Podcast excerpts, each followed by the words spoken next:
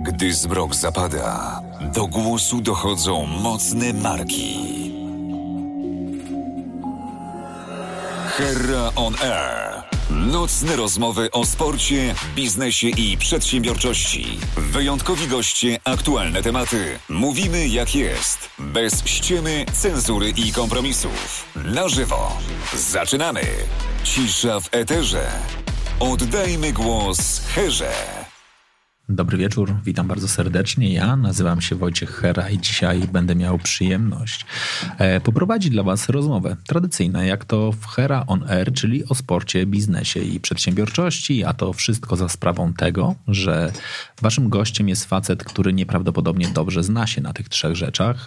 E, zna się na sporcie, a biznes i przedsiębiorczość ma we krwi. A jeżeli nawet by jej nie miał we krwi, to na pewno umiałby ją zagrać, bo Waszym gościem jest kto? No, kto? Kto jest dzisiaj? Yy, chyba ja. Ty! O, widzicie, nasz, waszym gościem jest ja. Ja, czyli kto? Uf, udało się. Mateusz Damięcki. Mateuszu, kim jesteś? Bo wiesz, na stronie masz napisane kilka rzeczy o sobie. Nawet byłem na twojej stronie www.mateuszdamięcki.com. Możemy ją wrzucić od razu dla tych, którzy jeszcze nie byli. I tam jest napisane, że jestem aktorem, no. podróżnikiem i E, honorowym. Ambas honorowym ambasadorem ONZ. Tak. Ja bym zaczął od tego, od twojego bycia podróżnikiem. Hmm. No, jestem podróżnikiem na tyle, ile na tyle, ile mi staje, jakby to powiedzieli. Okej. Okay. E, materiału. No, znaczy czasu. O, e, czasu, tak.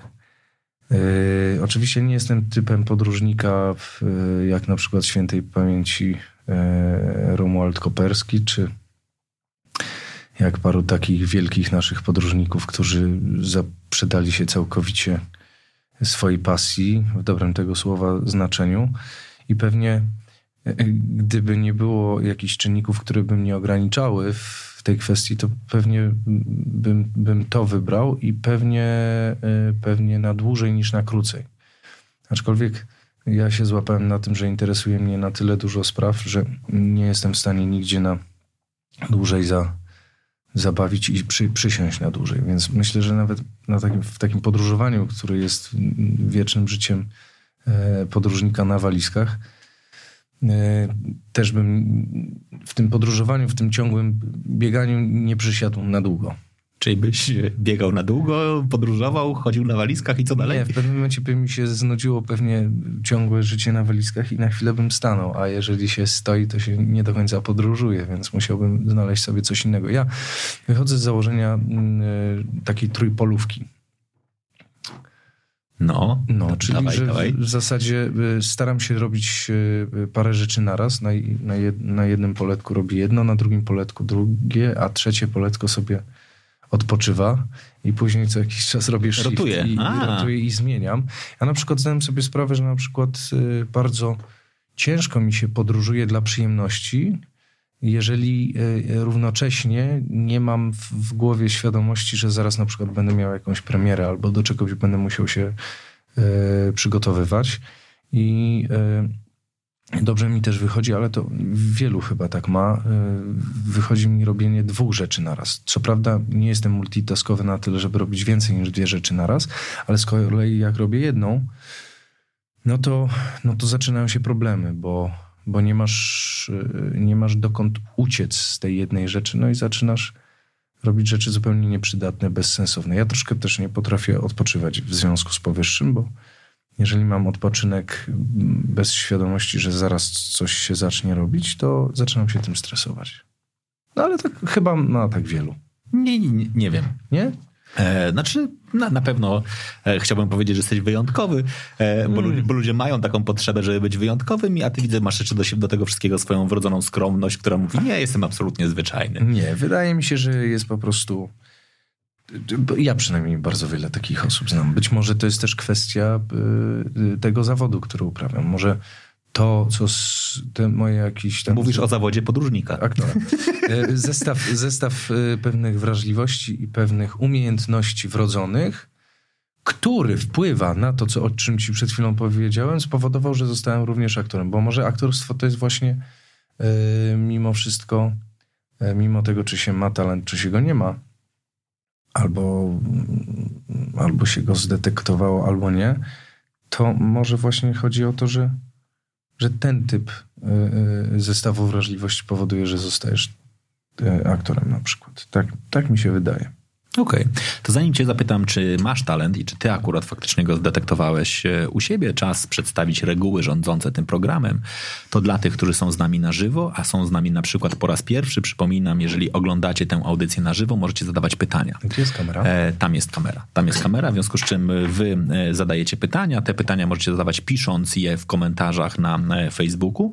Wtedy ja dostaję powiadomienie o tym, że jest pytanie, zapala się czerwona lampka. Czerwona lampka jest sygnałem o tym, że jest pytanie. Ja czytam to pytanie pytanie, Mateusz odpowiada. Odpowiada tak długo, aż zgaśnie lampka. Lampka jest sygnałem na to, że odpowiedział wyczerpująco. Jeżeli odpowiedź nie jest wyczerpująca, lampka się pali dalej. O, widzę. Chciałeś być z tym stewardem? Tak, zawsze. Naprawdę? No pewnie. Ale jak, jak Stewardem malutkim. Jak latasz samolotem, to wychodzisz i ten i pokazujesz? Nie, nie, nie, nie, nie zabierasz roli? Odkąd, słuchaj, poleciałem raz Virgin Airlines, to znaczy parę razy leciałem akurat tymi liniami lotniczymi. Nie wiem, czy miałeś przyjemność, nie? nie? No to tam jest niezła jazda. Tam jest taki hardcore hej, to znaczy jest tak wyluzowany staw, e, że nic innego by się nie chciało robić, tylko z nimi latać.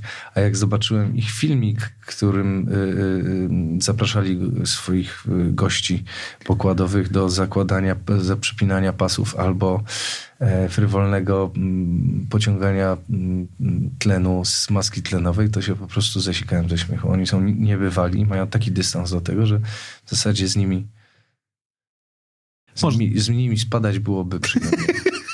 Boże święty, to, to, chyba najlepsza reklama, jaką można sobie powiedzieć. Nie, są genialni. Virgin są Airlines, genialni, z nimi nawet spadanie jest nie, przyjemne. Są totalnie otwarci takie friki, total LGBT, total w ogóle wszystko tak naprawdę. Żadnych barier, jedno wielkie poczucie humoru, zero rasizmu.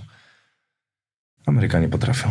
Przepięknie. Nie, my też, my też e, Właśnie my się e, zaczynamy uwsteczniać, niestety. E, nie, a ja myślę, że my potrafimy. My teraz tylko jakoś dziwnym trafem daliśmy upust małej części ludzi, którzy tego nie potrafią żeby gdzieś tam byli bardziej wyraziści, ale ja myślę, że większość z nas jednakże ma naprawdę pozytywne że w sensie, A my zaczynamy na kontrze. Też być coraz bardziej widoczni. Znaczy, nie jest, mam nadzieję, że będziemy za chwilę. No, jakby, że, nie, że, to, że, to, że, to, dobro naprawdę gdzieś tam sobie nasze też się pojawi. Leszek pisze, niech żyje kung fu. E, Łukasz pisze, cześć Wojtek, cześć Mateusz, a Monika pozdrawia ciebie serdecznie. Pozdrowienia serdecznie Mateusz, ale później e, jednakże będąc miłą e, Moniką powiedziała, że dla ciebie też Wojtek. Bardzo ci serdecznie dziękujemy. No dobra, e, ja zacznę od akcji, która pewnie musimy sobie wyjaśnić jakbym oglądając twój kanał na Instagramie, można powiedzieć wprost, ty nic innego nie robisz, jak jesteś zawodowym skakaczem na skakance. skakance. Tak, teraz tak. Od kiedy skaczesz w ogóle na skakance? Skaczę na skakance od stycznia, kiedy po raz pierwszy spotkałem się z Pawłem Jasińskim i z, z, z Golcem. Mm, to są dwaj panowie, którzy odpowiedzialni byli za E, za przygotowanie kaskaderskie do filmu Furioza. I to jest super, bo mieliśmy dość długą preprodukcję. Zaczęliśmy zdjęcia w maju tak naprawdę. Producent coś zaczął mi tak przez, przez mgłę mówić, że, że prawdopodobnie zaczniemy tę pracę. Na razie nie możemy podpisać umowy, ale ja przezorny, zawsze ubezpieczony, zacząłem się przygotowywać zanim dostałem zielone światło na przygotowania, więc zacząłem sobie sam chodzić już na siłownię. Jarek Golec, y, który jest koordynatorem kaskaderów. Ale czy jest stycznia którego roku, bo to teraz wiesz... Tak, tak, te, y, zeszłego, zeszłego, no właśnie. 19 roku. Bo bałem się, że tutaj niektórzy To jest niebywałe, ponieważ to czyni e, z, z, z, tego projektu, jakim jest Furioza e, w moim życiu, takim, taki projekt się wydarzył, to czyni z tego projektu najbardziej wyczerpujący i wymagający projekt w moim życiu. Do tej pory? Do tej pory. Ja mam 20... Ja, uuu, ale pojechałem teraz. Mam 38 lat. E, jeżeli jest tu ktoś w moim wieku, czyli rocznik 81, to nie chciałbym być nieskromny, ale zapewne e, oglądał albo chociaż jeden odcinek, albo całość serialu pod tytułem Wow. E, to było o takiej kulce latającej. Mówię o tym z taką pewnością, ponieważ w 81 roku ja się urodziłem, w 91 roku zrobiłem ten serial 13-odcinkowy I ogólnie takie roczniki między 79 a 85 siłą rzeczy musiały, Musiały go obejrzeć. e, na ten e, serial, bo to był w tamtych czasach, w latach, na początku lat 90. pierwszy taki formatujący tak naprawdę młodego widza serial, który e, przybył do Polski takim kopniakiem wiosny z zachodu. No to, to był taki format niemiecki, naprawdę zachodni. Format, w którym się pojawił na przykład w scenografii, wyobraź sobie takie coś, takie coś z plastiku. E, Pani przyszła do ściany, to przykleiła i mówi, my mówimy, co to jest? Ona mówi, to jest taka maszyna, co jak włożysz taką plastikową kartkę, kartę to, mam ze sobą, to e, tam wciśniesz takie cyferki i wyjdą ci z tego pieniądze. Pieniądze. Myśmy po prostu lali ze śmiechu. E, Bankomaty w Polsce pojawiły się bodajże w 96 roku, czyli na 5 lat później, po tym jak myśmy skończyli te, kręcić ten serial w Międzygórzu, w Kotlinie Kłodzkiej, które u, u, udawało miasteczko Laurentine, takie miasteczko. Gdzieś, nie, nie, nie wiadomo gdzie. I czemu o tym mówię? Bo pracuję od 28 lat, wychodzi na to. A jeżeli dodać do tego y, przedstawienie teatralne pod tytułem Pastorałka w reżyserii Mietka Gajdy i tutaj kolejny ukłon w stronę fantastycznego człowieka, dzięki któremu w ogóle zacząłem Mietka Gajdy właśnie, który robił ważniaka w, Mhm. w, w, w Smurfach. No to wychodzi na to, że pracuję jeszcze, jeszcze, jeszcze, jeszcze dłużej. No i wychodzi na to, że na te 28 lat, kiedy w ogóle jestem przed kamerą, nagle się pojawia projekt, który zaczynam, słuchaj, 1 stycznia, jak spojrzałem w, w, w, w dokumentację, bo ja prowadzę bardzo skrzętnie kalendarz, a skończyłem 6 stycznia. Tylko nie 5 dni później, tylko 370 dni później, ponieważ e, okładka do Men's Healtha i ten content, który się w środku znajduje, z moimi półnagimi zdjęciami, e, był w pewnym sensie takim, taką naturalną, naturalnym podsumowaniem tego mojego czasu spędzonego w, na planie filmowym. No i, i tak, no mogę powiedzieć, że 6 stycznia wraz z tą sesją zdjęciową skończyła się moja e, taka aktywna przygoda z, furio- z furiozą.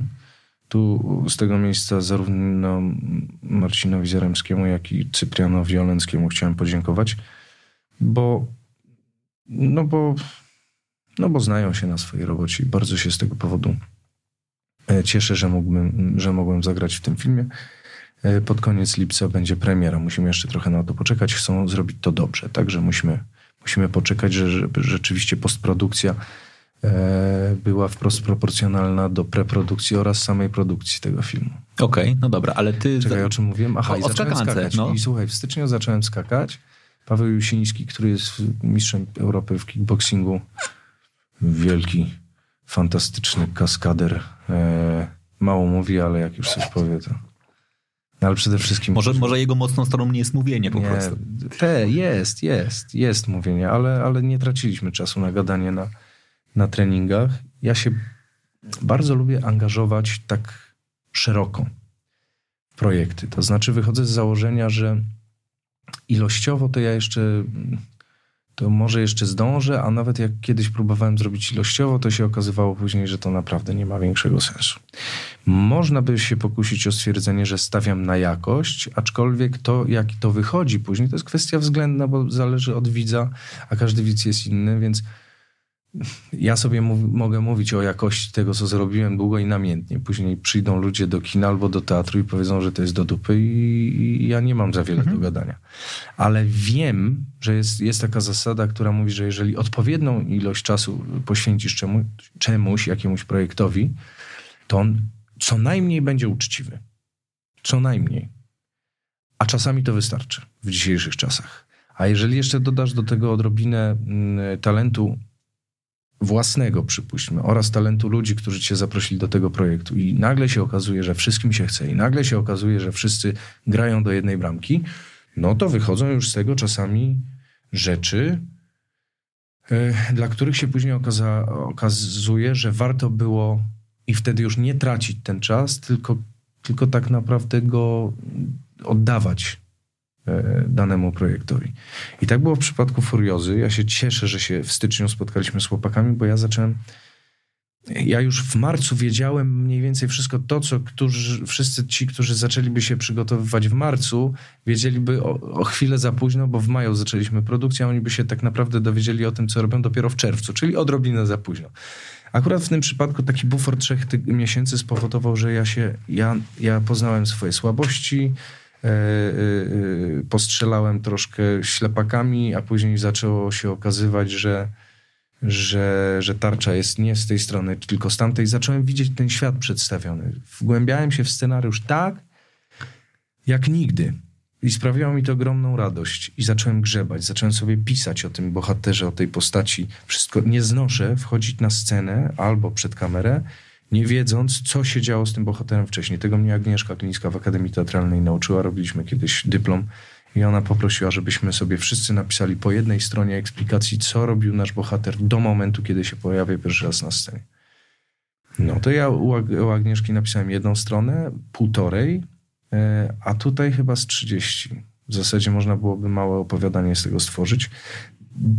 Opisałem dokładnie, co się wydarzyło, że mój bohater wygląda tak, jak wygląda teraz, czemu robi to, co robi, i znając życie już na tyle, żeby wiedzieć, jak na przykład, nie wiem, e, kontakt z rodzicami wpływa na to, jacy jesteśmy po 15, po 20 i po 30 latach, na czym polega um, kazus niespełnionej miłości, w jaki sposób może wpłynąć na, na ciebie e, w przyszłości, czym jest prawdziwa przyjaźń, przyjaźń i jak rzutuje na, na to, co będzie za 10-15 lat, czym jest śmierć, przeszłość i, i jak, jaki ma wpływ e, na to, e, jakim jesteś teraz człowiekiem. Ja sobie to wszystko wypisałem i oprócz tego, że wykonałem bardzo dużo pracy takiej umysłowej, to zacząłem po prostu ćwiczyć.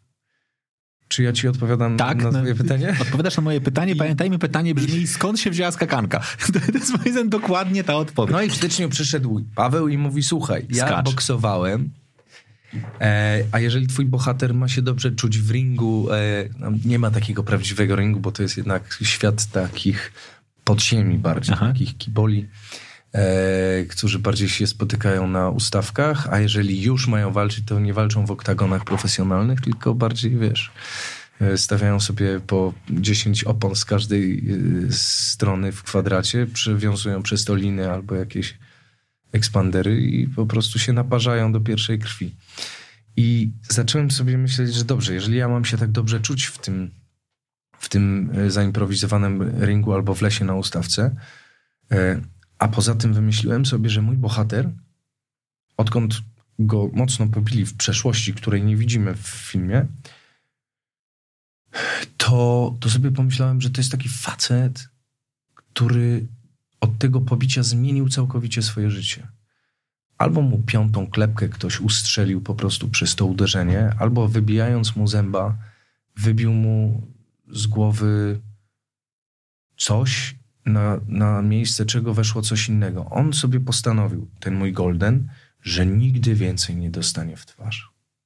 Wyobraź sobie w, w takiej sytuacji, gdzie się bijesz co trzeci dzień, E, a, a ustawki są co jakiś czas, plus y, no, szukasz zwady i tak naprawdę jesteś gotowy, żeby za każdym razem stanąć do walki. I to z ludźmi, którzy naprawdę nie przebierają ani w środkach, ani w, w gadżetach, którymi się posługują, waląc się po gębie. I nagle jest wśród nich facet, który sobie postanawia, nigdy więcej nikt mnie nie uderzy w twarz.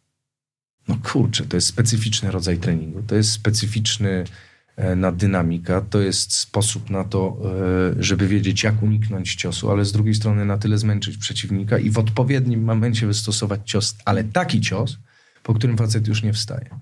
No ja, ten 80-kilogramowy, 1,80 m facet taki, no, w takiej, no, w zasadzie niewielkiej postury, jak patrzyłem na paru wysiorów, którzy przychodzili do nas na, na, na zdjęcia, sobie pomyślałem, że on musi naprawdę być wyjątkowy, żeby jednego z drugim takiego troglodytę powalić na, na glebę, żeby nigdy nie wstał. No i zacząłem się kierować w, tym, w tę stronę, ale zamiast na przykład tyć, zacząłem chudnąć.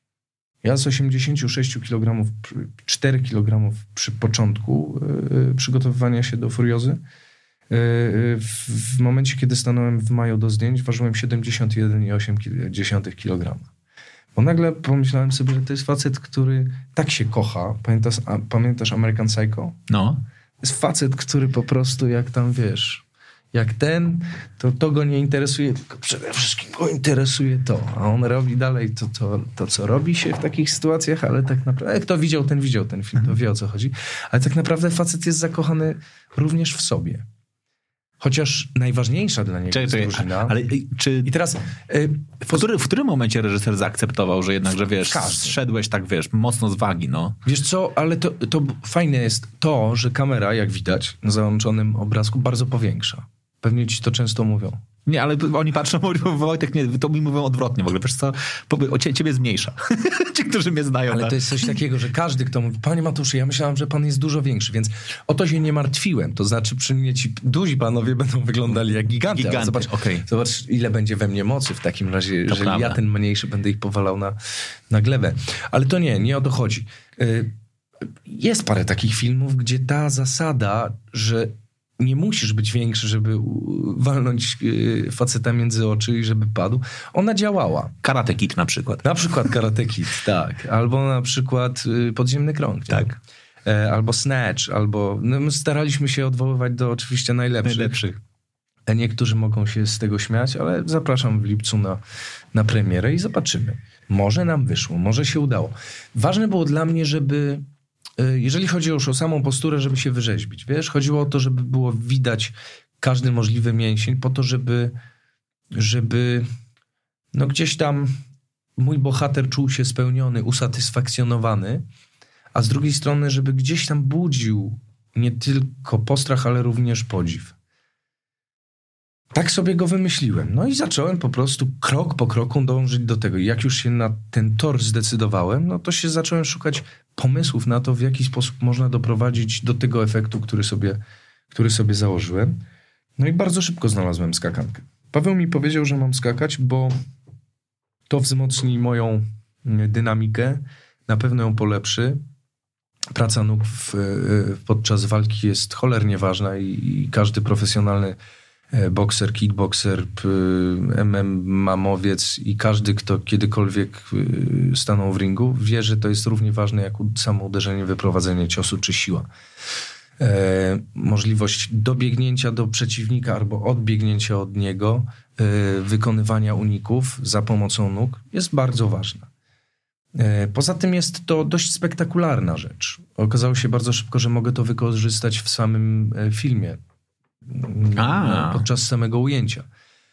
Dodajmy do tego jeszcze naprawdę zbawczą moc skakanki, jeżeli chodzi o, e, o pozbywanie się zbędnych kilogramów, czy to dla ludzi, którzy mają problem z nadwagą e, tłuszczową, albo tych, którzy po prostu chcą zredukować się, e, wyglądając już dobrze, ale chcą pozbyć się na przykład wody, to no nie masz lepszego sposobu. Skakanka jest oficjalnie jednym chyba z trzech z jednej z trzech, jedną z trzech najlepszych, e, najbardziej efektywnych e, aktywności Naprawdę?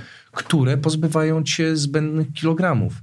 E, Spalasz około tysiąca kalorii przy, e, podczas godzinnego skakania. Turbo dużo. Chodzenie po, e, nawet w, w, na wysokim, wiesz, e, tętnie e, w cardio na, na bieżni wcale, wcale nie jest dużo efektywniejsze. e, Nie jest efektywne, ono jest mniej efektywne, jak sobie, jak sobie sprawdzisz to. E, Do tego dochodzą różne jeszcze aspekty związane z, z tym, jak się twoje ciało zachowuje podczas różnych aktywności, które, które powodują, że, że spalasz tłuszcz albo pozbywasz się wody. A skakanka, no ja mogę powiedzieć jedno. Ja jestem po dwóch operacjach przedniego krzyżowego więzadła. Ja mam e, hipermobilność, e, która powoduje, że mam przeprosty w zasadzie wszędzie, łącznie z kolanami. No i jakoś okazało się, że ta skakanka, która e, w niektórych budzi przestrach, spowodowała, że ja się mocno ogarnąłem. Zacząłem wręcz uważać na to, żeby kolana pracowały tak, jak powinny e, pracować. I ja mam dzięki temu dużo lepiej naoliwione te kolana w tej chwili niż przed skakaniem.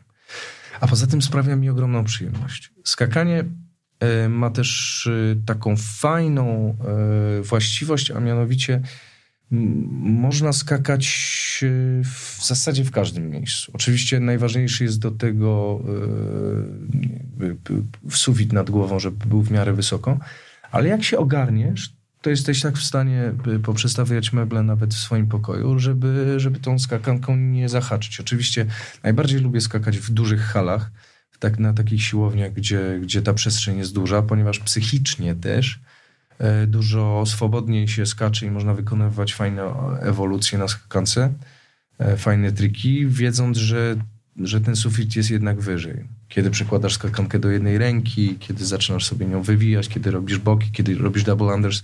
Double unders są e, bardzo w zasadzie normalnymi skokami, ale fizycznie, psychicznie masz takie poczucie, jak masz wysoki sufit, że one fajnie działają, właśnie jak, jak masz możliwość puszczenia tej wyobraźni, że, że jednak ta skakanka nie uderzy o sufit. Skaczę u siebie w garażu, skaczę czasami u siebie w pokoju. Nagminnie skaczę w pokojach hotelowych. Wczoraj skakałem w pokoju hotelowym w Kazimierzu. Dzisiaj rano skakałem e, przed studnią w Kazimierzu dla chówca OSP e, Ochotniczej Straży Pożarnej za 620 zł, czyli wykonałem 620 skoków dla chówca OSP z Wyszkowa koło Węgrowa. I to było super, dlatego że tak naprawdę w, na świeżym powietrzu czuję się najlepiej. Minusem było to, że był jeden stopień. Jak zacząłem dość mocno oddychać, to omal się nie przeziębiłem, ale jakoś dałem radę. Okej, okay. dobra, to, to możesz teraz yy, no dobra, chciałem spytać, czy możesz wyjaśnić, o co chodziło z tym, że, że skakałeś za kasę, ale to do tego wrócimy, bo to jest ważna część tej historii. Skakałeś w projekcie Kaloryfer e, na Trzech Króli? To był taki, taki e, ważny challenge, hashtag instagramowy, który ja śledziłem, nie chcę że z zapartym tchem, ale dość intensywnie. Udało się? Z zapartym tchem, ale po to, żeby lepiej było widać brzuch, tak? Bo nie. jak się w... wiesz, wiesz, jak się najlepiej Ja, ja lubię, jak inni ćwiczą po prostu. Wiesz, jak się najlepiej że jak się najlepiej pokazuje brzuch, później do zdjęć trzeba go lekko wciągnąć, wziąć wdech i kasznąć. I w tym momencie powinno się w, zrobić, zdjęcie. zrobić zdjęcie, bo wtedy jak robisz to kasznięcie, to fajnie się napinają wszystkie mięśnie. No dobra, udało się kaloryfer na Trzech Króli? E, tak, udało się zrobić kaloryfer na Trzech Króli. E, chociaż powiem ci, że 20 lat temu zrobiłbym go w półtora miesiąca szybciej, czyli w zasadzie spasłbym się do 80, w moim przypadku do 83. E, poszedłbym parę razy na drive'a jednego i drugiego, później e, zjadłbym 6 kg spaghetti, bo moim ulubionym niestety daniem jest, jest makaron. E, popiłbym to napojem gazowanym w ilości 17 butelek jednego dnia, tak jak kiedyś to robiłem. I przytyłbym pewnie właśnie jakieś 5 kilo i 4 dni później schudłbym kolejne 6. I, I, no tak wyglądała ta przemiana materii, jak się ma 20 lat. Wszyscy wiedzą, że tak jest. A teraz jest trudno. Jest po prostu dużo trudniej. No, pojawia się też taki aspekt psychiczny. E, wszyscy wiedzą, którzy kiedykolwiek ćwiczyli, że jeżeli chcesz gubić, to siłownia jako taka i aktywność fizyczna jest supportem dla biednej głowy, żeby nie zwariowała podczas odchudzania, e, czyli stosowania diety. E, miałem ogromną chęć po tej diecie przy kaloryferze na Trzech Króli i po każdej innej, którą robiłem w trakcie przygotowania się do filmu i wcześniej, e, przestać robić diety, a z, przejść na tak zwane, na tak zwane nawyki żywieniowe. Aha. Nie udało się. Jestem w zasadzie przykładem zasady, że, no, że tego się nie, nie da się oddzielić jakby głowy od, od tego odchudzania. Mm, jak tylko skończyłem, no to umówiliśmy się z moim trenerem na kurczaki w fajnej, ostrej panierce. Nie będę tutaj robił żadnej e, kryptoreklamy. No i po prostu no, zjadłem ile wlazło. Poszedłem do kina, wziąłem popcorn oczywiście na maksa z dużą ilością napoju brązowego. Yy, w międzyczasie zjadłem dwie zupki chińskie, których nie jadłem przez, przez pół roku, bo, bo nie, nie można było. Obstawiłem się czekoladą tak, że mi uszami zaczęła wychodzić.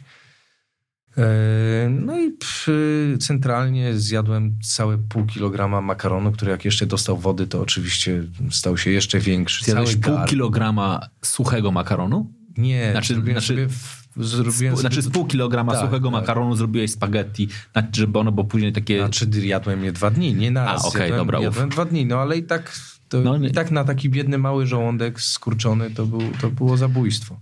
nie powiem, no że zuch. I powiem ci, że przy sesji ważyłem 73,8, bo, bo podczas całego filmu było tak, 71, 2, 86. Wyobraź sobie, że był taki moment, kiedy załamałem się totalnie, odwołali mi zdjęcia, zmieniła się lokalizacja, powiedzieli, że tej sceny, do której się przygotowuję, tak bardzo nie możemy zagrać w tym dniu, bo się lokalizacja, i jeszcze się dowiedziałem, że mam złamane dwa żebra w trakcie oczywiście pracy nad tym filmem i nagle się załamałem i powiedziałem koniec tego dobrego i po czterech dniach ważyłem 12 kilo więcej niż to, co, co, co miałem. E, Przyjąłem taką ilość wody za pomocą tego, że, że zacząłem solić wszystko, że nie, nie, nie, nie, byłeś w stanie mnie powstrzymać. I chwilę później się dowiedziałem, że jednak będzie ta sc- scena. I tydzień później ważyłem 72,8. Ale wariactwo. No, wiesz co, muszę iść na badania. Muszę sprawdzić y, po krwi, czy wszystko jest w porządku, bo, bo tego nie należy robić. Oczywiście, wiem. No, ale byłem tak wkręcony, tak wkręcony w tego mojego Goldena, że zrobiłbym dla niego wszystko i zrobiłem dla niego wszystko. Takie wahania miałem jeszcze czterokrotnie. E, po końcu zdjęć we wrześniu odpłynąłem już całkowicie, no i nagle się okazało, że to zobowiązanie, które mi zostało, nie będzie ani we wrześniu, ani w październiku, ani w listopadzie, tylko 6 stycznia na Trzech Króli. Także wyobraź sobie, jak wyglądały moje święta Bożego Narodzenia i jak wyglądał Sylwester. No, wiem, bo widziałem na Instagramie, jak wyglądały. No, jakby cały czas robiłeś e, kaloryfer na trzech króli, nie, nie, nie ominąłeś ani jednego dnia treningowego, więc Ale było, nie, nie, 40 dni, 40 treningów, yy, 40 treningów. Wymyśliłem sobie nawet, że będę robił tak zwany jeden dzień odpustu całkowitego i wyobraź sobie, że to uzależnienie moje było tak duże, że nieodhaczony dzień w kalendarzu był dla mnie tak smutną perspektywą, która mogłaby rzutować na cały mój zapał związany z, z, z, z, z, wypełnianiem e, mojego, mojego challenge'u, że jednak brałem tę skakankę do ręki. Nawet jeżeli miałem dzień wolny, to chociaż 30 minut sobie skakałem. A jak się dzisiaj okazało, 30 minut ostrego skakania to jest około 4000 skoków. No dobra. Do liczby skoków e, wrócimy. Teraz kilka pytań od osób, które nas oglądają. Pierwsze właśnie Łukasz e, zadaje pytanie. Ile skoków na skakance zrobiłeś najwięcej w ciągu dnia? Najwięcej w ciągu dnia e, wydaje mi się, że zrobiłem 8 tysięcy. Jak 8 tysięcy skoków. O, Ja liczę te skoki. Ja nie mam y, przy, przy skakance takiego licznika. Ja muszę liczyć te skoki. No wychodzi na to, że jak się naprawdę mocno postaram, to y, tysiąc skoków wykonuję w ciągu 6-7 minut. Mm, najwięcej z rzędu skakałem chyba 2 czy 3 tysiące. E, 2000 to ile skaczesz czasu? Wiesz co, to już dłużej oczywiście, bo myślę, że do około y, 15 minut mi zajmuje wyskakanie dwu- 2000 skoków. Jakbym się uparł, pewnie zrobiłbym 12, ale rzadko, rzadko jest taka potrzeba. I tak, no to też, umówmy się, no to też nie jest do końca jakieś tam, no wiesz, no bezpieczne i, Mhm. i nie- jakby nie, nie muszę się aż tak zażynać. Osoby, dla których skacze są na tyle wyrozumiałe, że e, że, że, że dają mi robić przerwy. Jakbym się, czeka mnie taki challenge i będę chciał wyskakać 5000 skoków naraz. Naraz. naraz.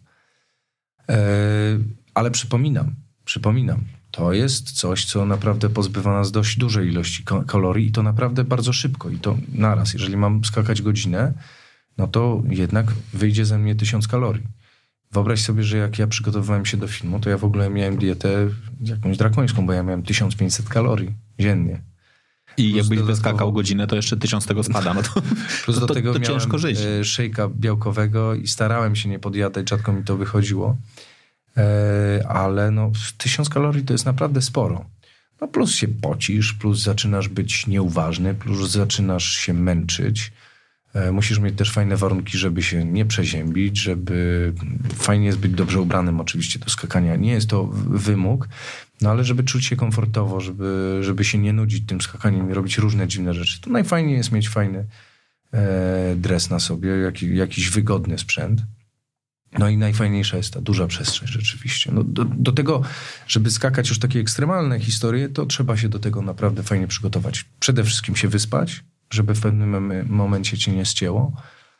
E, uzupełniać płyny i tak dalej, i tak dalej. To jest, to jest super, bo skakanie ma, ma taką, no jest b, b, b, takie kompleksowe bardzo, e, zwłaszcza jak na przykład czasami sobie robię treningi z półkilowymi, kilogramowymi skakankami, bo ja mam wy, wymienne e, gripy i mam na przykład skakankę czarną, grubą, która, która waży kilogram. No i wtedy na przykład możesz spokojnie sobie odpuścić e, klatkę, plecy, e, ręce i kor bo wtedy za pomocą skakania na, na, na kilogramie robisz to wszystko w trakcie, w trakcie y, treningu cardio. Znaczy, ja uważam, że powinieneś w ogóle zmienić sobie opis e, na, na, na stronie Skakacz. honorowy ambasador ONZ na honorowy ambasador skakanki. W ogóle jest na pewno jakaś międzynarodowa e, federacja e, speed rope'ów i, i na pewno gdzieś tam... Są, te... są. Ja w zasadzie wszystkie te... E, czy, czy federacja jest, to nie wiem. Wiem, że teraz wszystko przenosi się do social mediów, więc... E, ogarnąłem już parę takich skakankowych, e, skakankowych grup. A najfajniejsza grupa, y, którą ogarnąłem, to jest grupa, której, którą wczoraj sk- sk- y, utworzyłem. Wyobraź sobie, że naprawdę, ej, serio. E, wiem, ile osób tam ogląda te moje skoki i tak dalej, ale sobie pomyślałem, no dobra, y, zakładam pierwszą grupę w moim życiu na fejsie. No i sobie wpisałem skakanka z Damięckim. Możemy wrzucić w ogóle tą, tą grupę. E, I sobie pomyślałem, dobra, no to zapraszam, nie? Myślałem, że będzie naprawdę 6 do 10 osób. Naprawdę? Tak, naprawdę myślałem w taki... Ty, czekaj, jaja sobie robisz. Nie, nie robię sobie jaj, bo ludzie, nawet jak ich zapytałem, bo zrobiłem takiego posta wcześniej, słuchajcie, chciałbym założyć grupę skakankową, bo zauważyłem, że was to interesuje. No ale wiesz jak to jest. Oj, dołączymy, dołączymy, oj, dołączymy, dołączymy. Chyba w tej chwili mam 820 osób. 916. No. Od wczoraj. Ja wczoraj to, to, to, to, to założyłem. Po prostu jestem w totalnym szoku. Yy, skakanka jest naprawdę git. I ona ma bardzo wiele zalet, dzięki którym myślę, że jest, dlatego właśnie jest taka popularna. Yy, no jest, jest też przede wszystkim, no jest przede wszystkim formą aktywności, yy, która powoduje, że nie musimy siedzieć na tej kanapie. Możemy sobie z niej wstać i, I, jest jedna rzecz jeszcze ważna. Podczas aktywności naprawdę uwalniają się fajne związki w, w ciele, w organizmie. I nawet jeżeli ci się na początku nie chce, to później się okazuje, że było warto, bo nagle jesteś żywy, radosny, uśmiechnięty e, i nie wiesz czemu. To jest biochemia i jakby w tym pogrzebać, to byś się dowiedział dokładnie, czemu jesteś zadowolony i radosny i się uśmiechasz. Mm. A rutyna akurat w przypadku skakania, która jest łatwiejsza, dlatego że skakanie po prostu jest proste i nie, nie, nie, nie potrzebujesz do tego jakichś e, niebywałych, tak jak już powiedziałem, miejsc czy sprzętów, e, wychodzenia z domu na przykład. I ta rutyna jest dużo prostsza niż w przypadku wychodzenia na siłownię na przykład, czy wychodzenia na basen. Bo jednak do basenu potrzebujesz jeszcze basenu, basenu wody, czepków. czepka, mhm. no i jeszcze musisz się rozebrać. A tutaj wszystko może jest zrobić. zimno, albo tak. A tutaj wszystko ogarniesz. I jak już wpadasz w ten ciąg, ja proponuję wszystkim, którzy, którzy zaczynają, żeby znaleźli sobie w swoim kalendarzu tydzień. Żeby rozłożyli sobie w tym tygodniu, znaleźli jeden dzień, w którym nie będą e, uprawiali tego, tej aktywności, ale w te sześć innych pozostałych, żeby się starali. I żeby te sześć dni z, że, że było z rzędu i żeby ten jeden dzień był odpoczynku słuchaj, pierwszego dnia się nie chce, a nie, pierwszego dnia to w ogóle jesteś zajarany i zaczynasz skakać. I przez nie wychodzić totalnie, bo co skok, to uderzasz skakanką o golenie i golenie cię bolą, wszystko cię boli i ci się nie chce. Później drugiego dnia no żona mówi, że jednak, żebyś jednak nie szedł do tego garażu, ale ty idziesz mimo wszystko. Ale piątego dnia, kiedy zaczyna ci wychodzić, to nie możesz się doczekać już tego szóstego dnia. I to jest, no i to jest super. Przepięknie. E, Jakub Wesołowski, cześć Kuba, e, pisze do ciebie ułan jak malowany. Mateusz, czy w Furiozie jeździsz konno? Kubuś. Kubuś, Kubuś to on. Kubusiu. No, jeździsz konno? Nie, furiozie nie jeżdżę ale dziękuję za, za tę wiadomość. My z Kubusiem spotkaliśmy się w filmie pod tytułem Jutro idziemy do kina i e, nie wiem jak dla niego, ale dla mnie chyba tak, chyba tak. Był to jeden z najpiękniejszych e, moich zawodowych e, strzałów. E, Jutro idziemy do kina jest takim filmem, który łączy wszystkie Stany, się zawsze śmiałem, bo, bo kiedyś, mało tego, puszczają go chyba z dwa razy do roku, najczęściej 1 września Aha. e, albo 31 sierpnia, no i na jakieś tam święta też, ale zdarzyła mi się piękna historia, kiedyś jak puścili to właśnie i następnego dnia taka przypowieść w zasadzie, wręcz, wręcz biblijna. Następnego dnia e, szedłem do mojej siostry, żeby przyjąć pana, który badał kaloryfery. No i słuchaj, idąc tam, do, do, do, do tego bloku, e, taka, taka dziewczynka szła i pokazała mnie palcem i ta pani do mnie podeszła z tą dziewczyną. Mówi, Boże, dziękujemy panu, panie Mateuszu, za ten film. Jutro idziemy do kina. To piękny film, piękny film. Wszedłem do klatki, otwierałem drzwi, wyszedł taki pan z neseserem w, e, w, w, w garniturze. Powiedział, ojejku, to pan? Oglądałem. Jutro, wspaniały film, dziękujemy. Jutro idziemy do kina. No i wszedłem do, na, na górę do, do mieszkania mojej siostry, otworzyłem te drzwi, Matylda akurat nie było. Przyszedł pan e, od kaloryfera. Z takim, w takim drelichu, wiesz, z tymi swoimi narzędziami, postukał w te rury, tak spojrzał na mnie. A to pan! Jezu, oglądałem jutro, Jezu, jaki to piękny film. I to było tak fajne. Wow. Słuchaj, miałem od, sied- od ośmiolatki chyba, przez jej matkę, przez pana, w, y, który y, albo szedł, albo wracał z pracy, jakiegoś biznesmena, pana, który z, zbadał mi Kaloryfer. kaloryfer. Tak, Kubusiu, no niestety nie, nie jeżdżę konno, e, ale, ale gryzę ziemię. O, szczególnie, że pan e, zbadał kaloryfer, a było to we wrześniu, a nie na Trzech Króli. To takie, tak, taka klam, O, klamra spinająca dobre, dobre. E, Mateusz, no i teraz wracamy faktycznie do, od tej twojej skakanki do aktualnego skakania. E, Agnieszka pisze, jak wpadłeś na pomysł na taką formę pom- pomagania Kacpiemu? I inspirowałeś się kimś? E, Co? I don't know. Nie, a, nie? Okej. Oglądam e, pierwszy raz na żywo. Do tej pory zawsze podcast ktoś słuchał. Dobra, jesteś niebywale dobrym człowiekiem. To o tobie, robiąc to, co robisz.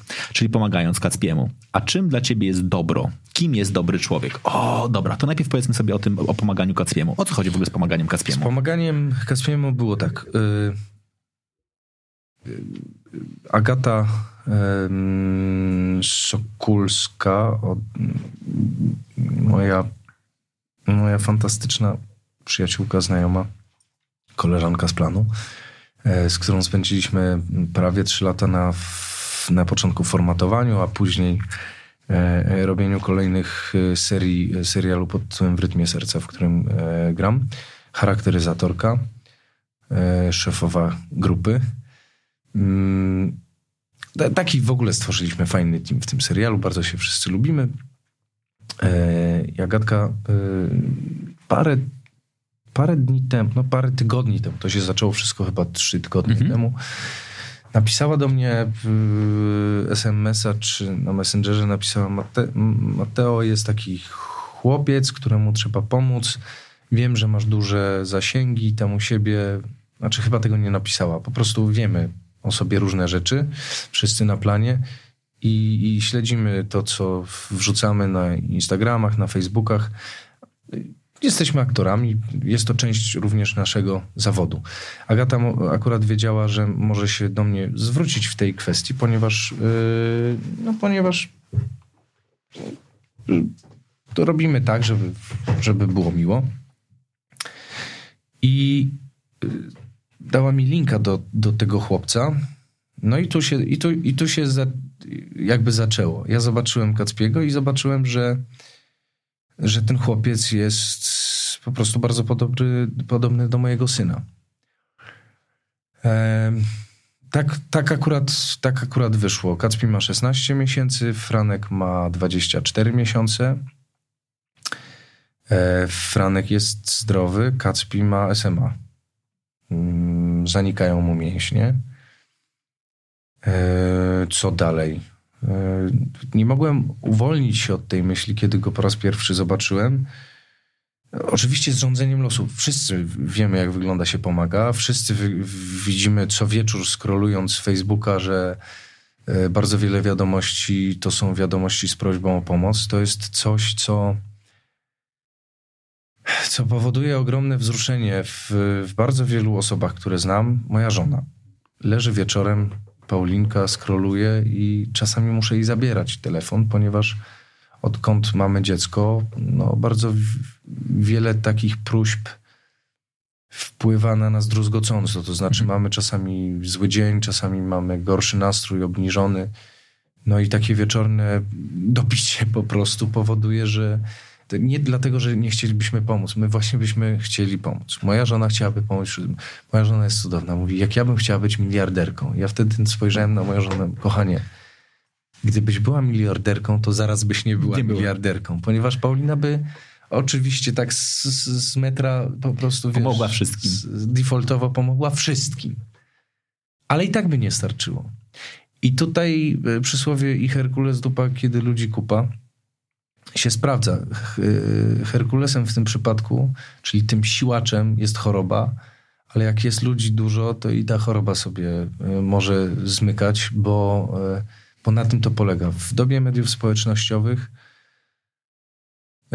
tylko tak okazało się, można pomagać. Nie można czekać na gwiazdkę z nieba, nie można czekać na wygraną w totolotka, bo się nie doczekamy. Chodzi o to, żeby zgromadzić wokół siebie ludzi, którzy będą chcieli ci pomóc. I jeżeli jest to jedna osoba, dwie, to jest trudno. Jak jest dziesięć, jest łatwiej, jak jest sto, to jest jeszcze łatwiej. Jak jest sto tysięcy, to uzbierasz dziewięć milionów. Koniec, kropka. Miałem ten moment, kiedy zacząłem się wkurzać na to, że ten lek jest tak drogi. E, no ale to się nie ma co wkurzać. Taki jest fakt. Z faktami się nie będziemy bić, nie będziemy z nimi wojować, tylko taka jest prawda. Rodzice naprawdę nie mają na co czekać, więc u nich ten okres buntu e, wobec tego, ile kosztuje ten lek, był, był błyskawicznym okresikiem buntu i nagle wzięli się w garść i zaczęli zbierać e, te pieniądze. Ja Gadce bardzo dziękuję z tego miejsca, jak tutaj siedzę, że zapoznała mnie z, z, z tą rodziną, bo skończyło się na tym, że ja po tygodniu byłem u nich w domu. E, jakoś szybko się zgadaliśmy na Instagramie czy na Facebooku i odwiedziłem ich. No i odwiedziłem Kacpiego. Zrobiłem sobie z nim filmik, wziąłem go na ręce, no i już, przepadł po prostu. Pan Mateusz przepadł. E, skacząc dla Kacpiego, mam takie dziwne poczucie, że naprawdę pieniądze idą na niego, ale że skacze też dla, dla innych. E, jak wpadłem na pomysł skakania? Nie wiem. Znaczy wiem.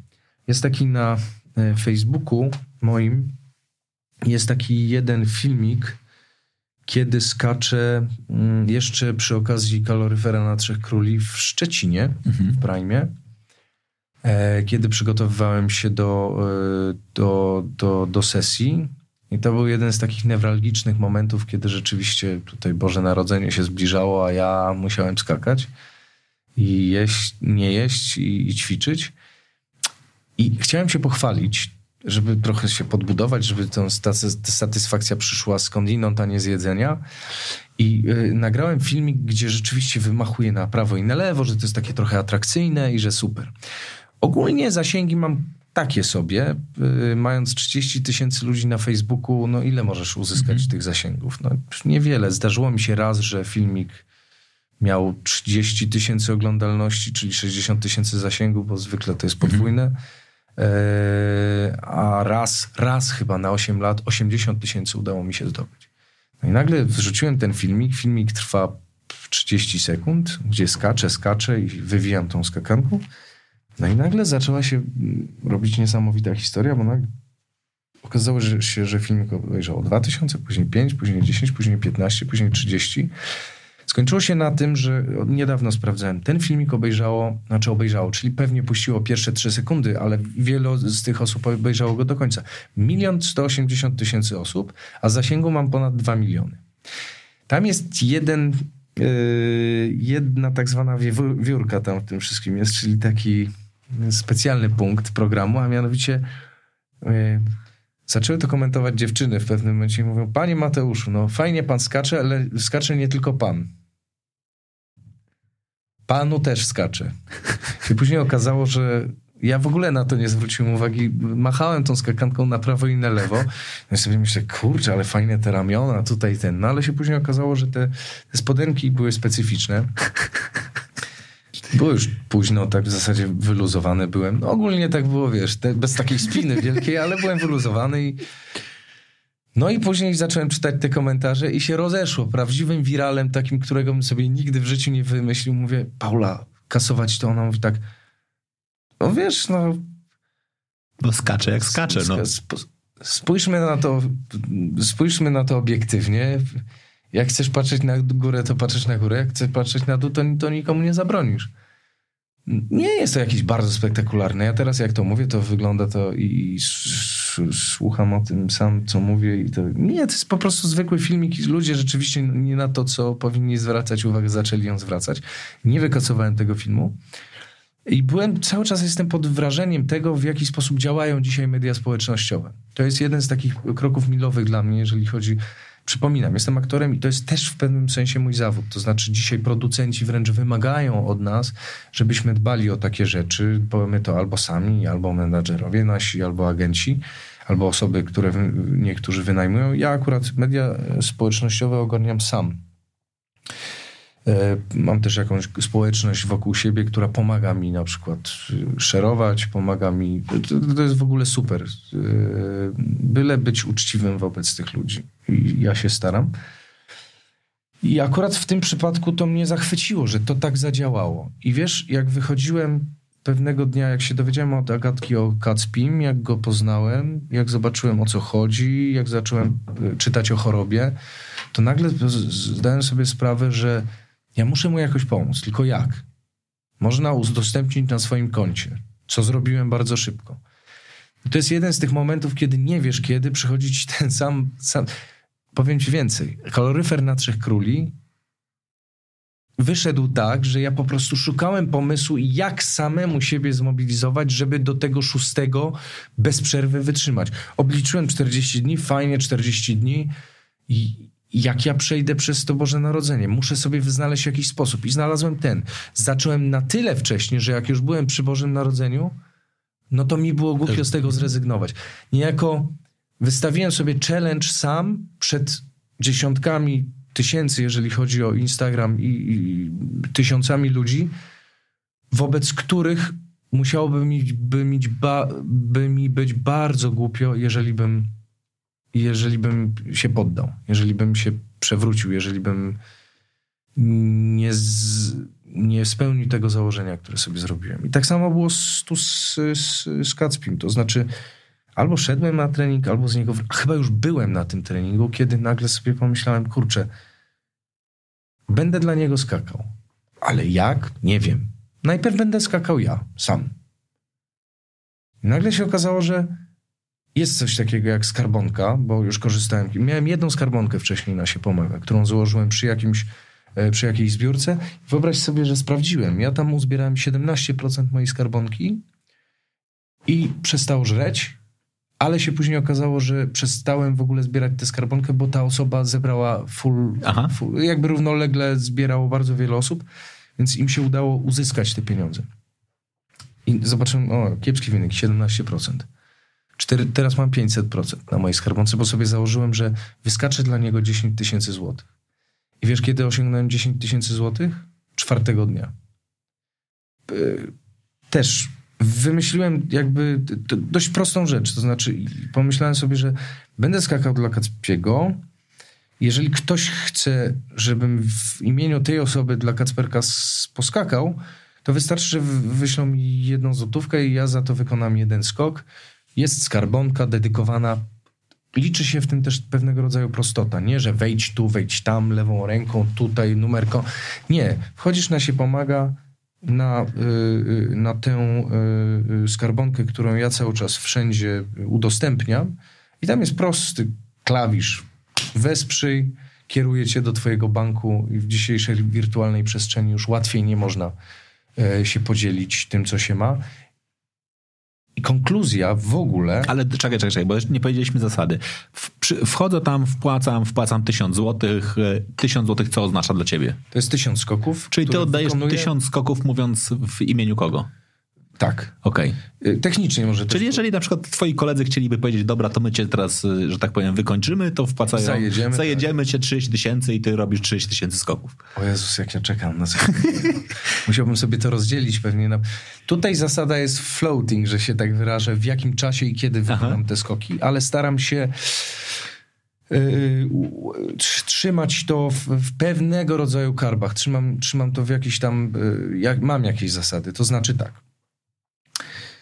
Yy, przede wszystkim yy, podsumowuję pewne okresy. E, Na przykład, nie wiem, jak już widzę, że jest duży przyrost, żeby się później nie zajechać, to na przykład robię stop wieczorem, robię sobie print screena, nie wiem, 700 osób, wcześniej było 520, czyli, e, czyli 180. No i zaczynam jechać z tego print screena, e, e, robię sobie granicę tu, sprawdzam, gdzie był ostatni print screen. Tutaj, wiem, że jest to mniej więcej 180 osób, odejmuję od tego, ile wyskakałem, tyle, ile e, to, co wyskakałem do tej pory, od tego, co mam teraz jeszcze do wyskakania, do wyskaka i wtedy pojawia mi się ilość skoków, które jeszcze mam do wykonania. Sobie piszę na przykład do wykonania między, zbadane między niedzielą a czwartkiem, czyli 4 dni, e, jest 7231 skoków. I jadę. Beata, i już nie piszę, że 20 skoków dla Beaty, tylko podsumowuję to. Czyli najpierw obliczam, ile jest anonimowych pomagaczy, jadę od góry w dół. I wypisuję 124 anonimowych pomagaczy. Później jadę w górę i sprawdzam, ile jest anonimowych pomagaczek.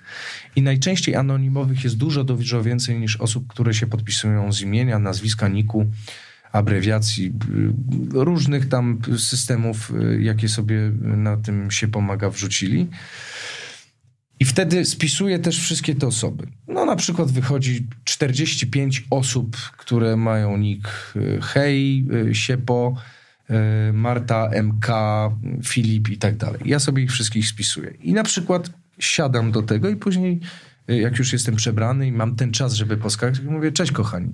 Wrzucam na fejsie y, tak zwany e, e, e, na żywo Live. live. A sobie wrzucam i mówię, cześć, będę dzisiaj skakał, bo mam dwie godziny, to wyskoczę dzisiaj, mam 7254 skoki, dzielę sobie to na dwa, albo odejmuję 2224, zostaje mi 5000 skoków. I dzisiaj będę 5000 skakał dla 140 anonimowych, 132 anonimowych pomagaczek, e, pomagaczy oraz dla. Wymieniam te wszystkie osoby, no i później biorę do ręki skakankę i zaczynam skakać. Oni liczą razem ze mną, bo wchodzą ze mną na, e, na tego live'a. Niektórzy przychodzą, niektórzy wracają, wychodzą. E, Przy okazji pokazuję im, jak wygląda technika skakankowa. Teraz założyłem tę grupę. No, od razu dostałem gigantyczną liczbę pytań. O, A, skakanki. O, B, w jaki sposób skakać, żeby się nie, nie mylić. C, e, co daje skakanka i tak dalej, i tak dalej. Ci ludzie chcą w tym uczestniczyć. A puenta jest tego taka. O, już opowiedziałem o pewnych technicznych aspektach tego mojego skakania. Puenta jest taka. Żyjemy już w takim społeczeństwie, jesteśmy tak daleko od y, lat 80., w których nie było nic i ludzie y, ratowali siebie. Każdy z nas ratował wtedy, w tamtych czasach siebie, a chociaż, chociaż taka mm, sąsiedzka pomoc była zupełnie inna, i, i przy, ale nie było tej infrastruktury, którą mamy w tej chwili, teraz. I żyjemy już w takich czasach, gdzie ludzie szukają tylko pretekstu, żeby pomóc. I to jest dla mnie podsumowanie tej akcji. To jest w ogóle tak super, to jest tak czadowe. Yy, egzaltowanych słów używam. Ale dla mnie to jest największa nauka z tego. Ludzie tak bardzo chcą pomagać i szukają jakiegoś zaczepienia, jakiejś grupy, do której chcieliby przynależeć. Ja się tak cieszę, że oni są, że jest prawie tysiąc osób, y, które pomogły Kacpiemu. Jest możliwość, ja każdej z tych osób podpisuję, to znaczy y, możesz u sobie ustawić taką możliwość w, w, akurat w tym portalu y, pomagającym, że odpisujesz tej osobie i ta osoba dostaje od ciebie wiadomość. Ona jest co prawda dla wszystkich taka sama, ale pisałem ją naprawdę z głębi serca. W momencie, kiedy już wiedziałem, co chcę zrobić dla tego Kacperka. I kiedy sam dostaję odpowiedź od tych, którym pomagam w, ty, w ten sam sposób, to czuję się trochę tak, jakby ta mama, czy ten ojciec, czy to dziecko, czy, czy jakaś inna osoba, która zbiera na daną osobę, naprawdę do mnie napisała, ja to czuję. E, nie mam zasady co do anonimowych pomagaczy albo osób, które. Znaczy, są ludzie, którzy albo zapomnieli wpisać swojego mhm. imienia, albo tacy, którzy naprawdę nie chcą mhm. być widoczni w tej przestrzeni internetowej z jakiegoś powodu. Ja to wszystko szanuję. Kiedyś sam pomagałem anonimowo, teraz zdałem sobie sprawę, że może jak napiszę, że to pomogłem ja, no to, to jest zasięg na Instagramie, nie? Mhm. Tak sobie pomyślałem, że może parę osób, jak zobaczy, że ja pomogłem, to sobie pomyślą, kurczę, jak on płacił, to ja też płacę. Może chociażby nawet moich kolegów. No. Niech tak zostanie. Kiedyś byłem wkurzony na to, na, na to, że ludzie sobie robili siebie za pomocą y, y, ob, ob, jakby obnoszenia się z pomaganiem. No jeżeli masz uczciwe intencje, to niech sobie mówią. Jeżeli masz uczciwe intencje, to niech sobie mówią, ja i tak mam z tego więcej niż wam się wszystkim wydaje. Znaczy to, że ja się męczę i ludzie tak pięknie do mnie piszą, dostałem, słuchaj, dwie wpłaty, chyba jedną za 100, drugą za 200 zł, gdzie pani napisała, były to dwie panie, panie Mateusze, za te 100 zł czy za te 200 zł, proszę 5 minut odpocząć. Ja naprawdę to robię wtedy, to wow. znaczy skaczę 5 tysięcy i w pewnym momencie biorę mówię, a teraz 200 zł od pani takiej i takiej, 5 minut odpoczynku i siedzę i odpoczywam. Wow. I to jest w ogóle tak mega, bo, bo, bo ci ludzie zaczynają wchodzić z tobą w interakcję i zaczynają zadawać sobie pytanie, co może tobie jest potrzebne. Zaczynają interesować się tą osobą, ale nie dlatego, że zagrała w filmie, tylko zupełnie z innego powodu. I to jest. No to jest mega. Ja przygotowałem cały zestaw w ogóle tam, tak samo od siebie już później, cały zestaw jakichś takich nagród. Na przykład jest pani, która wpłaciła z mężem 2000 złotych. No wow. to wysłałem im podpisanego Men's Health'a, bo sobie pomyślałem, że no, może będzie to coś, co ich, y, jak sobie tam przejrzą tę gazetę, może oni zmienią swoje życie, może zaczną skakać albo, ale chciałem w jakiś sposób tam wyróżnić. Ja oczywiście mam dystans do tego Men's Health'a, bo sam nawet idę w tym Men's Health'ie, jakbym, kurde, jakbym chciał, wiesz, staranować parę osób, e, taka zmiana wizerunku. Jestem aktorem, który taki nie jest naprawdę jak na tym zdjęciu, ale mógłbym zagrać takiego faceta. I tak sobie pomyślałem, że jest to, jest to jakiś też ten men's health, to nie jest to, że ja wysyłam swoje zdjęcie, a patrzcie jak ja, jak ja fajnie wyglądam, tylko to jest też element mojej mojej pracy, pracy. Mojego, ten wizerunek, który sobie akurat stworzyłem na poczet tej, tego pisma czy tego filmu. To nie jest żadne oszustwo, to jest po prostu całe moje życie. E, I to jest trochę tak, jakbym namalował obraz i komuś go podarował, bo te ten rok mojej pracy, wynikiem tego roku de facto mojej pracy jest to zdjęcie właśnie.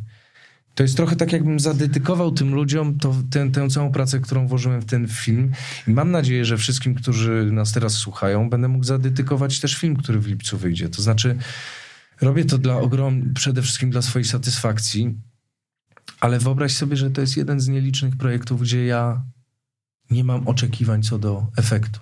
Naprawdę? Ale nie masz oczekiwań, bo. Nie, ja bo poprosiłem co? reżysera, żeby mi nie puszczał trailerów, żeby okay. mi nie pokazywał filmu nieskończonego. Ja dostałem od tego, od tej furiozy tyle w trakcie robienia jej, że ja się nasyciłem. Pierwszy raz w życiu jestem nasycony projektem, zanim efekt ujrzy światło dzienne. Wszystko, co dostanę ponad, będzie, będzie ponad. Będzie czymś, na co zupełnie nie czekam. Czekam oczywiście na. Trudno jest to powiedzieć. Mam nadzieję, że rozumiesz o co mi chodzi, mhm. że wy też rozumiecie. To znaczy, ja, ja na to czekam, ale nie uzależniam od tego niczego. Nie jest to, że ja będę załamany, czy, czy, czy będę sobie myślał. Nie, niech, to już ode mnie nie zależy. Jest muzyka, która jest pisana, jest kolorowanie, jest, e, jest montaż. Zawsze byłem tym zawsze podniecony, żeby zobaczyć, jak to. Nie, w ogóle, w ogóle to, już, to już oddałem i, i i niech sobie teraz poleci w świat i niech, niech ludzie się z tego cieszą. Mam nadzieję, że się będą cieszyć. To, co mi zostało, to jest ta skakanka, która w tej chwili przybiera najbardziej namacalny namacalny efekt, jaki można sobie wyobrazić. A to wszystko dlatego, że gdzieś się tak poukładały te synapsy.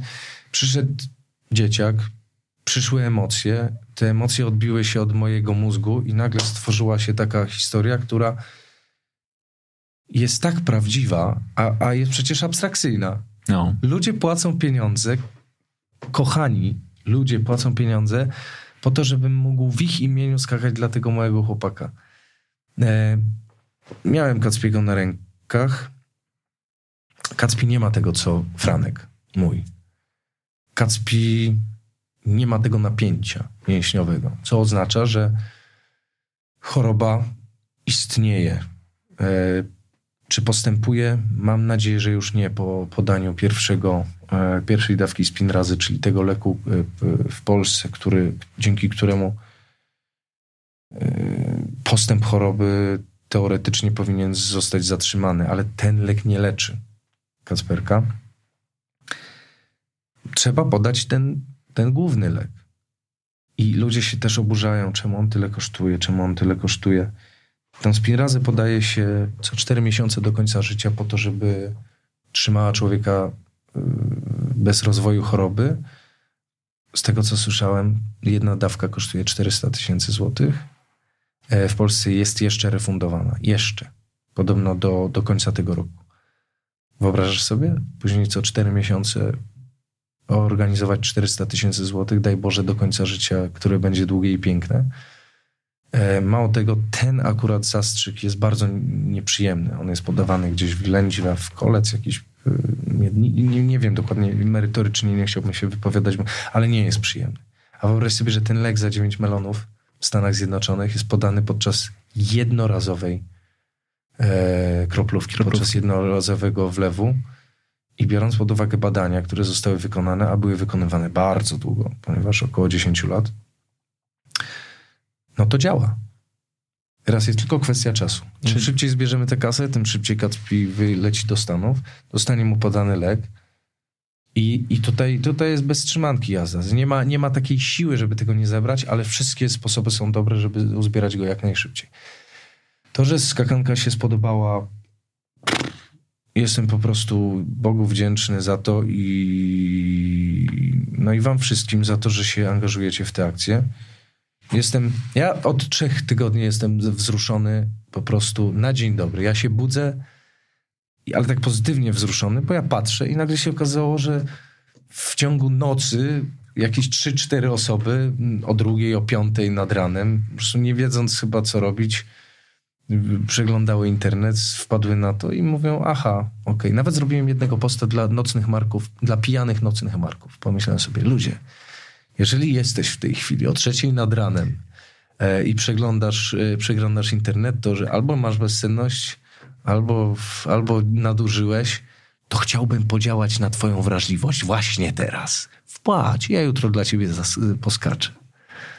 No i parę, parę, osób, parę osób wpłaciło. To jest w ogóle, to jest w ogóle czat, więc dzisiaj dla wszystkich, y, którzy mają ochotę napić się lampkę wina, albo dwa piwa, albo butelkę whisky, to odwiedźcie w nocy mój, y, mojego Facebooka www.siepomaga.pl łamane na skakanka. Ten adres już jest podany w komentarzach. Jeżeli w tym momencie oglądacie, macie oczywiście możliwość zrobić tak zwany e, wielokanałowość, czyli przekliknijcie się, zapłaćcie naprawdę. Akurat ja bardzo wierzę w ludzi, którzy e, są u mnie tutaj razem ze mną. Mogę się pochwalić. Na przykład mi udało się sprzedać swoją kurtkę za 9 tysięcy złotych na owsiaka. Ale czad. 9 koła. Masz 9 koła zapłacił ktoś na aukcji za kurtkę dla owsiaka, znaczy moją moją kurtkę dla, no, czy kurtkę właściwie Top Guna dla Owsiaka. Bo nie, zajebista akcja, w związku z czym was zapraszam. Pamiętajcie, macie dużo dobrego serca, Wrzucajcie to.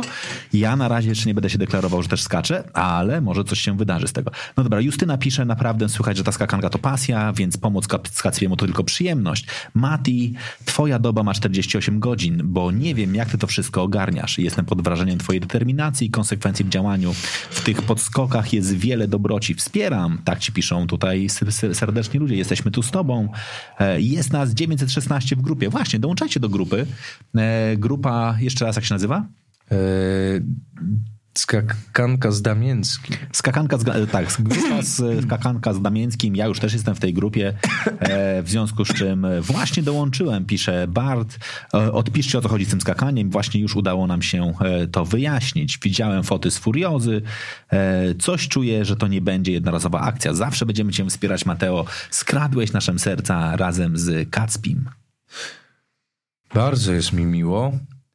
E, bardzo, bardzo, bardzo jest mi miło. To wciąga też. To, to na, muszę powiedzieć, jakby to jest takie dobro, dobro, dobro, ale już tam bez przesady, to też wciąga jak po prostu każdy mechanizm, na przykład taki, e, taki uzależniający. Ja po prostu, albo kasyno. To trochę, Kasyno, no to bo trochę jest kasyno. Ja patrzę i patrzę i czy- co mnie zaskoczy, nie?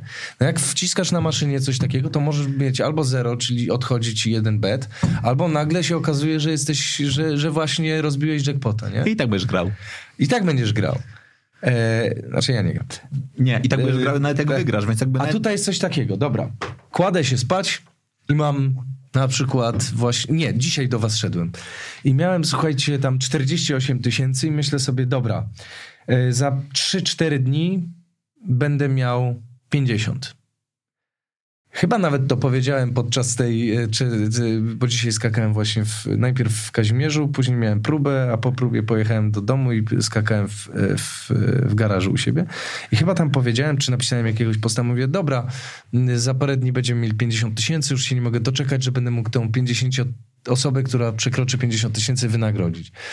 No i jadę do was, tutaj wyszedłem i patrzę sobie, scrolluję, patrzę, mówię, niemożliwe, 50 tysięcy, chyba 70 złotych. Co się stało? I nagle patrzę, 1800 tam 20 czy 60 złotych do, do granicy 50 tysięcy pani z jakimś panem w, w, wpłaciła.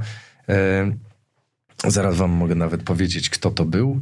E, to, to był w ogóle jakiś, jakiś w ogóle czat, bo się okazało, że Yy, o, poczekajcie, mam 5017, nie, 5017 złotych, a już teraz 5072 zł, a wpłaciła, zaraz wam powiem, Ewa i Piotr Kajda 1848 złotych i dobili do tych 50 tysięcy. Co prawda napisane jest napisane, a konto na kolejny cios żony, bo moja żona również uczestniczy w tej akcji w troszkę oryginalniejszy sposób niż ja, ponieważ moja żona podczas jednego y, wejścia na żywo uderzyła w worek, y, na którym ćwiczy kung fu. No, jak będzie wam się chciało, to możecie sobie wejść na, na, na, na moje mojego face'a, to zobaczycie w 12 minucie, chyba 40 sekundzie, jak wchodzi żona do, do garażu i robi cios nogą, robi kopnięcie.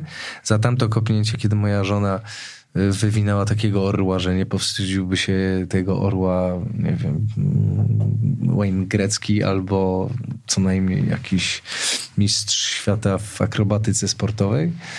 No za tego orła wtedy Paulino dostała tysiaka, teraz dostała 1800 zł za przyszłego orła. Mam nadzieję, że wystarczy osobom, które wpłaciły po prostu, Po prostu moc, mocne, uderzenie, mocne uderzenie. ale stojące na, na dwóch nogach, Paulinki stojącej na dwóch nogach.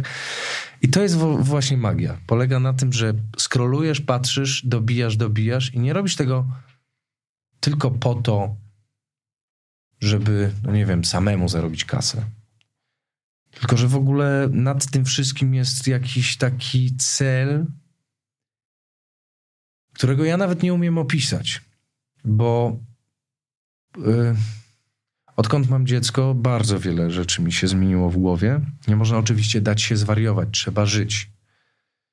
Y, Bogu dziękować, że z Twoim dzieckiem wszystko jest w porządku i starać się pomóc szczęściu innych ludzi. Aczkolwiek ja muszę powiedzieć, że że Borutkowie mają szczęście. Jak do nich przyszedłem, to Pawłowi wręczyłem zdrabki. Trzy zdrabki. Trzy. Nie trzydzieści, nie trzysta, tylko trzy. Na szczęście. E, Zdrabki w sensie loterii. no, lo, loterię. Wiesz, ile wygrał? Nie? Ja wygrałem kiedyś dwa złote, raz pięć i raz dziesięć. Ale chyba kupiłem z 40 tych zdrapek. E, e, wydrapali 80 złotych z trzech zdrapek. Czyli w zasadzie, no, szczęście, mają. Szczęście mają. E, ono jest ich bar, bar, bardzo ich blisko się trzyma to szczęście. W nieszczęściu. Mhm. Ale taka siła w nich ogromna, która w nich tkwi. Ja wiem, że mają momenty słabości. Wiem, że Nie, ja nic nie wiem tak naprawdę. Ja mogę jedynie podejrzewać. Ja mogę tylko podejrzewać, co oni czują. Ale jak się z nimi spotkałem, ja zobaczyłem w ich oczach jedno, że te pieniądze już są. Tylko trzeba je teraz przyporządkować do tego konta. I trzeba po prostu pokazać tym tysiącom ludzi drogę akurat, która, która spowoduje, że, że oni szybko kupią ten bilet do Stanów Zjednoczonych i, i polecą tam. Te, pie te pieniądze są już, tylko trzeba je teraz zebrać. I no i tak się stanie. I tak się stanie. Tylko ja bym prosił, żeby to było szybciej. Jeżeli ktoś będzie chciał wpłacić te 50 tysięcy z kolei na moje skakankowe, to mogę skakać po prostu. Nic innego już nie robić, tylko skakać. To ja teraz zachęcam was wszystkich serdecznie, wpłacamy. Te właśnie 50 tysięcy skoków e, dobrze byłoby, żeby e, Mateusz mógł oddać. E, Iga Przybyłowska Boruta pisze oczywiście Kacpi dzielnie słuchał, ale już odpadł. Jesteś najlepszym wujki na świecie. No, słuchał o tej porze. Słodziak słuchał. No dobra. mistrzem świata i okolic. Chciałbym jeszcze tu skorzystać z tego, że z wami jestem. Jeżeli ktoś jest z Warszawy albo ma czas, żeby przyjechać 7 lutego do Warszawy, za trzy dni, za dwa dni w zasadzie, już za dwa, w piątek, mhm. o 19.30 gram y, z 50 twarzy Greya. To jest jedno z takich najśmieszniejszych przedsięwzięć, najwięcej dających mi radości, w których wziąłem udział. To jest 50 twarzy Greya, tylko pokazane w teatrze. Jeżeli chcecie się pośmiać, mówię tu serio, to znaczy... Y, za, za, długo to gramy, żeby tutaj udawać, wiesz, być na siłę kokieteryjnym i takim tam, że o, nie wiem, czy to fajne, czy to śmieszne. E, oczywiście zdarzają się wyjątki potwierdzające zasadę i wychodzą ludzie z tego przedstawienia, ale tylko dlatego, że są zbyt pruderyjni albo e, zapomnieli, że jest niedziela i rano byli w, w kościele i teraz im nie wypada jednak siedzieć na tym przedstawieniu. Ale 99% ludzi zostaje na nim do samego końca i zostają później bardzo długo klaszcząc. E, no bo to jest taki luz, totalny luz. To jest takie przedstawienie, na którym się śmiejesz, śmiejesz, śmiejesz i abstrakcja połączona z e, absurdem e, e, fenomenu tej książki, a my sobie po prostu robimy jedne wielkie, jedne wielkie jaja, zarówno z tych, którzy tę książkę traktują na poważnie, jak i z tych, którzy traktują z przymrużeniem oka, z bohaterów, którzy są w tej książce, z autorki i z całego świata, w którym się w tej chwili znajdujemy, który spowodował, że to jest bestseller wszechczasów. I dlaczego zapraszam akurat na to przedstawienie? Ponieważ tego dnia zagramy spektakl. Nie, czekaj, nie mów, nie mów, że będziesz skakał na skakance. Słuchaj. Nie. E, dostałem pozwolenie od samej góry. E, dostałem pozwolenie od samej góry. Mam teraz y, próbę z panią Krystyną Jandą w, w Teatrze Och. E, robimy kolejną premierę 23 Lili e, z Piotrem Machalicą, Magdą Smalarą, e, Grzesiem Dałkrzewiczem,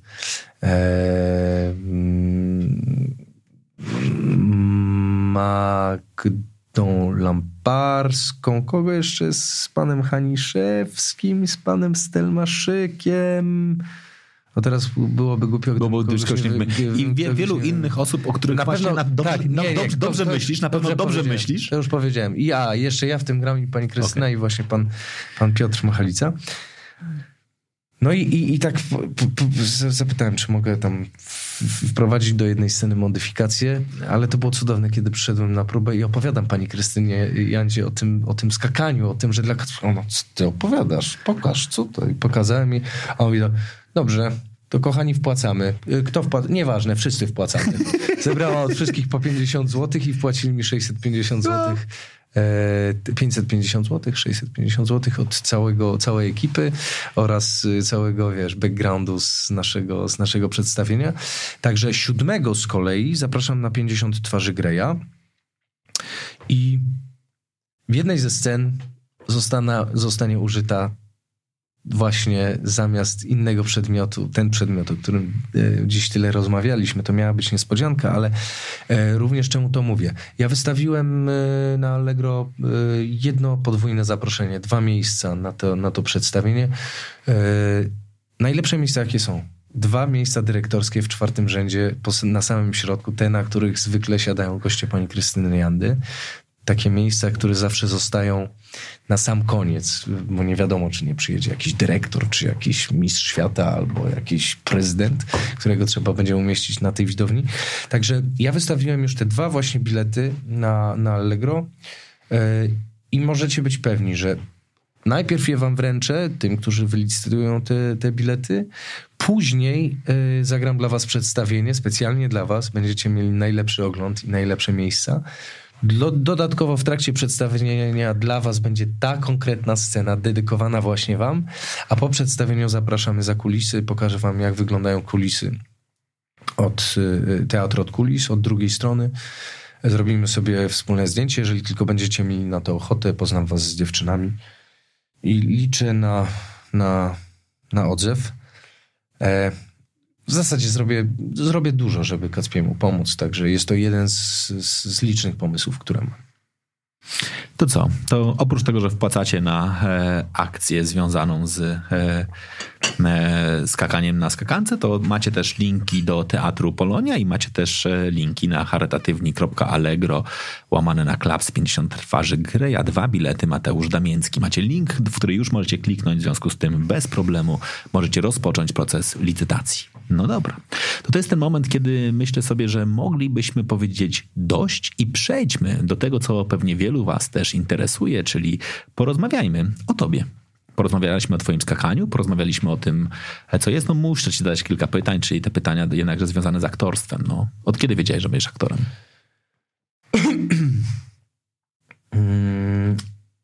Mm, dość szybko wiedziałem, że będę aktorem, ale to było najpierw takie mówienie, że będę aktorem, tak jak się jest strażakiem w swoim życiu, jak się jest kosmonautą w swoim życiu. E, to była moja fascynacja, oczywiście bezpośrednio związana z tym, czym zajmował się mój tata mhm. a, i bardzo wiele osób w mojej rodzinie. E, fascynacja, która również była podsycana przez to, że kultywowało się u nas nie tylko samo aktorstwo, ale jakby mówiło się o tym wszystkim, co dookoła. Szanowało się bardzo teksty kultury, które Mm, e, które były udziałem mm, członków mojej rodziny. Nie tylko przedstawienie, nie tylko filmy, ale również literaturę, z której się wywodziły e, e, później różne ekranizacje czy inscenizacje. Taki ogólnie dom, i to bardzo dbała również o to nie, nie tylko ojciec, co mogłoby się wydawać przecież aktor, tylko bardzo dbała również o to nasza, nasza mama, moja i Matyldy, Joanna. E, łaziliśmy non-stop do teatru. Jak tylko było można, chodziliśmy do kina i patrzyliśmy na ten świat, który, który był jeszcze w dodatku podbijany tym, że widzieliśmy, jak to wszystko wygląda od drugiej strony. Bo jak tata już nas zabierał, no to widzieliśmy to, to, to jak, jak to wygląda właśnie od drugiej strony. I być może nie jest to takie, dla fascynują, takie fascynujące dla laików, ale czym skorupka za modu, tym później się okazywało, że, że dla nas to był też chleb powszedni, ale nadal było to dla nas magiczne. Ale ty nie, miałeś, nie miałeś buntu w sobie właśnie? Że, że nie, wiesz, no, ja w ogóle pół, nie miałem Pół rodziny jest związane z filmem i teatrem. To, ja, to, to ja w ogóle nie miałem za, za bardzo w sobie buntu. Ja po prostu poczułem, e, że, że przebywanie w tych miejscach E, z tymi ludźmi e, jest dla mnie mm, fascynujące i po prostu bardzo miłe. A po, po co rezygnować z czegoś, co jest miłe? My się śmiejemy z Pauliną, że nasz syn w tej chwili podbija średnią krajową, ponieważ tak ostatnio obliczałem, Franek był chyba w 18 teatrach w swoim życiu, ma dwa latka. nie tylko w Polsce, ale i za granicą. E, najczęściej oczywiście, e, ponieważ on jeszcze nie percepuje tak jak e, dorosły widz. Trudno byłoby mu się skupić na 12-godzinnym lupie jakimś mhm. albo 13-godzinnych dziadach zadary. Ale myślę, że kiedyś do tego dojdzie. Ale na przykład uwielbia chodzić na próby, ponieważ na przykład jak nie ma zbyt wielu osób na widowni, to aktorzy szukają swojego widza i tego widza znajdują, znajdują, właśnie we Franku. Ja widziałem Franka, który obserwował dwugodzinną próbę z zapartym tchem I może Bo grali dla niego. Tak, i można, wiesz, i może iPad i telefon leżeć koło niego, ale on jak patrzy na Paula, akurat miała próby do prohibicji wtedy. Jak ja widziałem, jak Kasia Zielińska z, z całą ekipą dla niego grają, to po prostu to było niebywałe, ponieważ on, on patrzył na tę na te mimikę, na, słuchał y, głosów, patrzył na kostiumy. On też oczywiście jest mistrzem y, tego zaplecza, to znaczy jak się Franek pojawia, wiesz, na w garderobach albo w pracowniach, jak y, zaczyna y, penetrować szafy, wiesz, z kostiumami, jak trafia do pracowni na przykład charakteryzatorskiej, no to tam jest w ogóle... Nie wyobrażamy sobie dla niego lepszego przedszkola, takiego na razie oczywiście. Mm, Zaraz przyjdzie czas, kiedy, kiedy Franek pójdzie do przedszkola i będzie miał dużo więcej kontaktu z młodymi ludźmi, w swoim wieku, rówieśnikami, ale na razie to jest taki, te- ten teatr spełnia taką funkcję dla niego bardzo mocno poznawczą. Oczywiście, no, z racji tego, że ja jestem aktorem, a moja żona jest choreografem, choreografką, e, reżyserką oraz w tej chwili dyrektorką Teatru Muzycznego w Poznaniu artystyczną. Się nazywa zastępca dyrektora do spraw artystycznych. Taka jest pełna nazwa. No to oczywiście mm, starając się być jednocześnie z nim i uprawiać nasze zawody, wszędzie go ze sobą bierzemy. Mi jest dużo trudniej jako, e, jako aktorowi Mhm. na przykład trzymać Franka na ręku podczas sceny, y, którą gram, a już Paulina jako realizator, czyli ta osoba stojąca po drugiej stronie, no może sobie to lepiej zorganizować. I naprawdę tak się zdarza, że są próby i on jest na rękach albo jest... Rzadko. Teraz już rzadziej, ponieważ jest bardzo aktywny. Czyli ucieka, prostu są próby, on gdzieś biegnie. Ale y, y, tworzyliśmy sobie błyskawiczną infrastrukturę. Jak jeszcze nie chodził, Franio, no to po prostu w sali prób albo na, y, na, na, w miejscu przed sceną, kiedy już próbowaliśmy na przykład na scenie, y, no to Franio miał swój materac y, i jak nie było osoby, która mogłaby nam pomóc, to byliśmy w stanie go ogarnąć jakby sami. Y, Oczywiście dziadkowie jedni i drudzy pomagają jak mogą.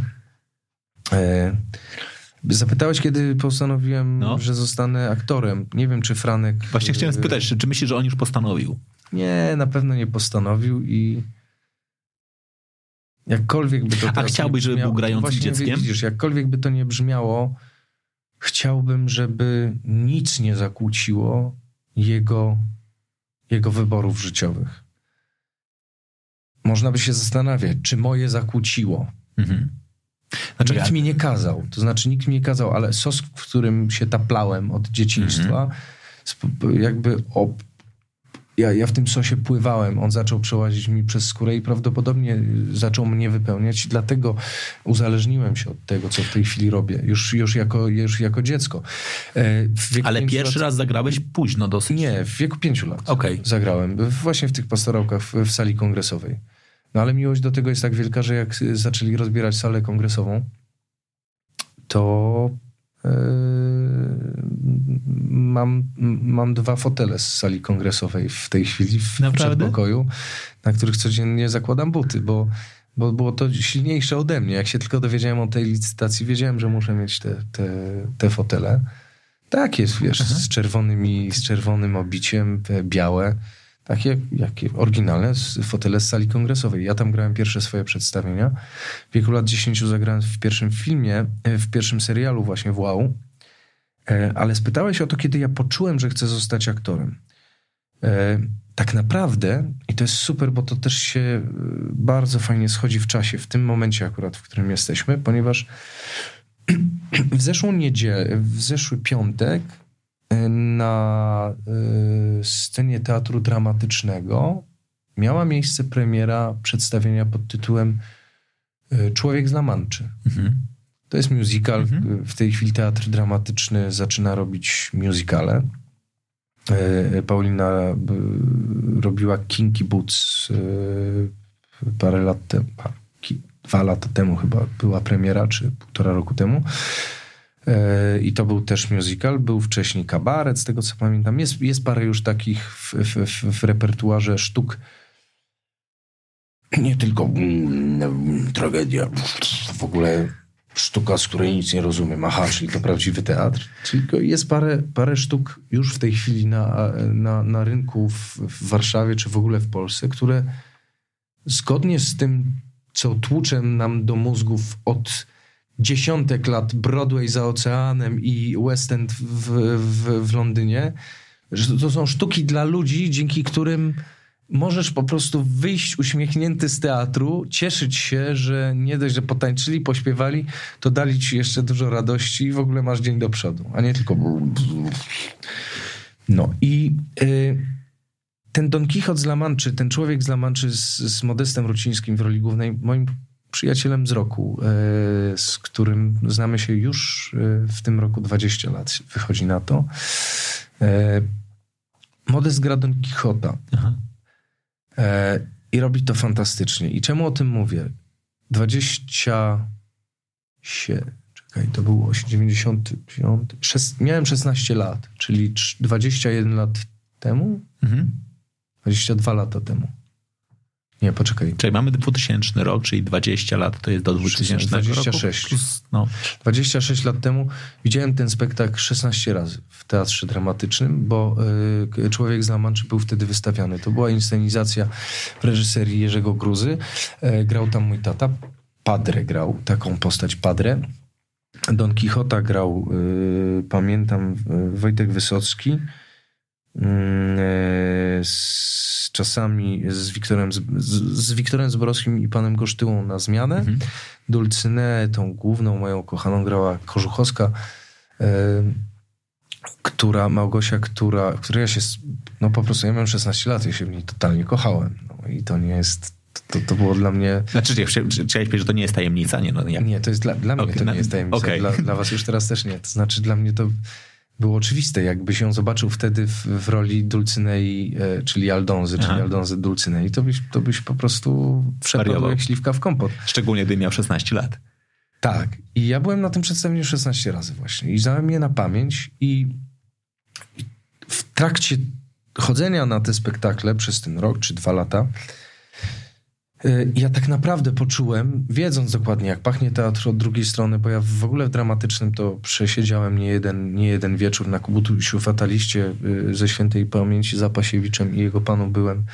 No, wielokrotnie tata też w tym grał. Byłem na, na nie wiem, jako trzynastolatek czy dwunastolatek byłem na mm, inscenizacji w stronę Słana Marcela mhm. Prusta. No w ogóle widziałem jakieś takie sztuki, które w, których w ogóle nie mhm. powinienem było oglądać. Nic z nich nie rozumiałem, ale przesiąkałem tym. I znałem ten zapach teatru od drugiej strony i pierwszy raz zostałem skonfrontowany ze sztuką, która mnie rozłożyła na łopaty w tym wieku, w którym no, trudno nie zostać rozłożonym na łopatki, zwłaszcza przez dobrze skonstruowaną sztukę. Bo po to jest teatr, prawda? Żeby się wzruszać, żeby docierać do twoich najgłębszych zakamarków e, twoich, e, twojej duszy, wypełniać e, potrzeby, które masz w taki duchowy sposób. No i, i Don Quixote akurat był w tym momencie jak na mnie skrojony. Jak go zakładałem, jak po prostu świetnie skrojony garnitur tego Don Quixota. I teraz przypomniałem sobie o tym, że kiedy zobaczyłem Modesta w, roli, e, w roli Kichany, i zachwyciłem się tym spektaklem, e, bo spełnia bardzo wiele funkcji. Zapraszam, obejrzycie, to będziecie wiedzieli, co mam na myśli, jeżeli lubicie muzykale. I nagle sobie przypomniałem, że ja właśnie wtedy postanowiłem, że ja będę zdawał do Akademii Teatralnej e, w wieku lat 16. Miałem 3 lata takiej rozkminy, kiedy po napisaniu matury byłem już w 100% pewien, że będę, będę aktorem, ale to się tak naprawdę na poważnie zaczęło właśnie wtedy. Ja zresztą od 10 roku życia grałem cały czas. Mhm. Znaczy nie ma takiego roku, w którym bym nie zrobił chociaż jednego projektu. Jak tak spojrzę na swoje CV, w każdym roku coś robiłem. A to serial, a to dwa seriale, a to film, a to dwa filmy. E, dość dużo dubbingowałem też, e, jakiś teatr telewizji. Za każdym razem coś gdzieś tam sobie robiłem, więc trzymałem cały czas kontakt z tym, z tym zawodem. Ale tu, tutaj tak naprawdę poczułem, że chcę być właśnie na ich miejscu. Może dobrze, że nie gram w Don Quixocie jako taki. Znaczy chciałem spytać, czy Może teraz się... chciałbyś zagrać? Nie, akurat w tej sztuce nie. Ja to zostawiam innym, bo to jest taki mój sen, który jak się przyśni, gdyby się przyśnił, to może, może przestałby tak wiele znaczyć. Ale to jest w ogóle tam fajne słowa są w tym głównym songu Don Quixota. Śnić sen najpiękniejszy ze snów, iść w bój w imię cierpień i krzywd i nieść ciężar swój ponad siły.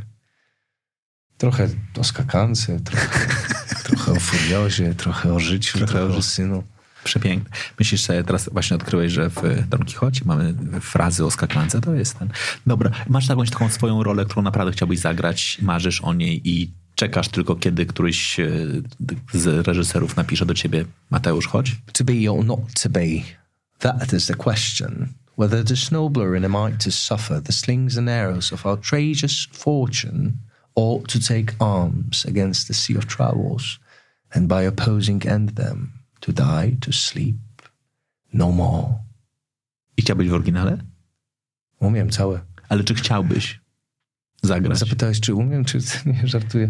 E, nauczyłem się tego, bo e, pojechałem do mm, teatru Gdańsku, szekspirowskiego. Jak mhm. zobaczyłem tę scenę, to mnie coś tak tknęło i sobie pomyślałem, że nie ma rzeczy niemożliwych. Nauczyłem się tego monologu przez trzy miesiące w toalecie.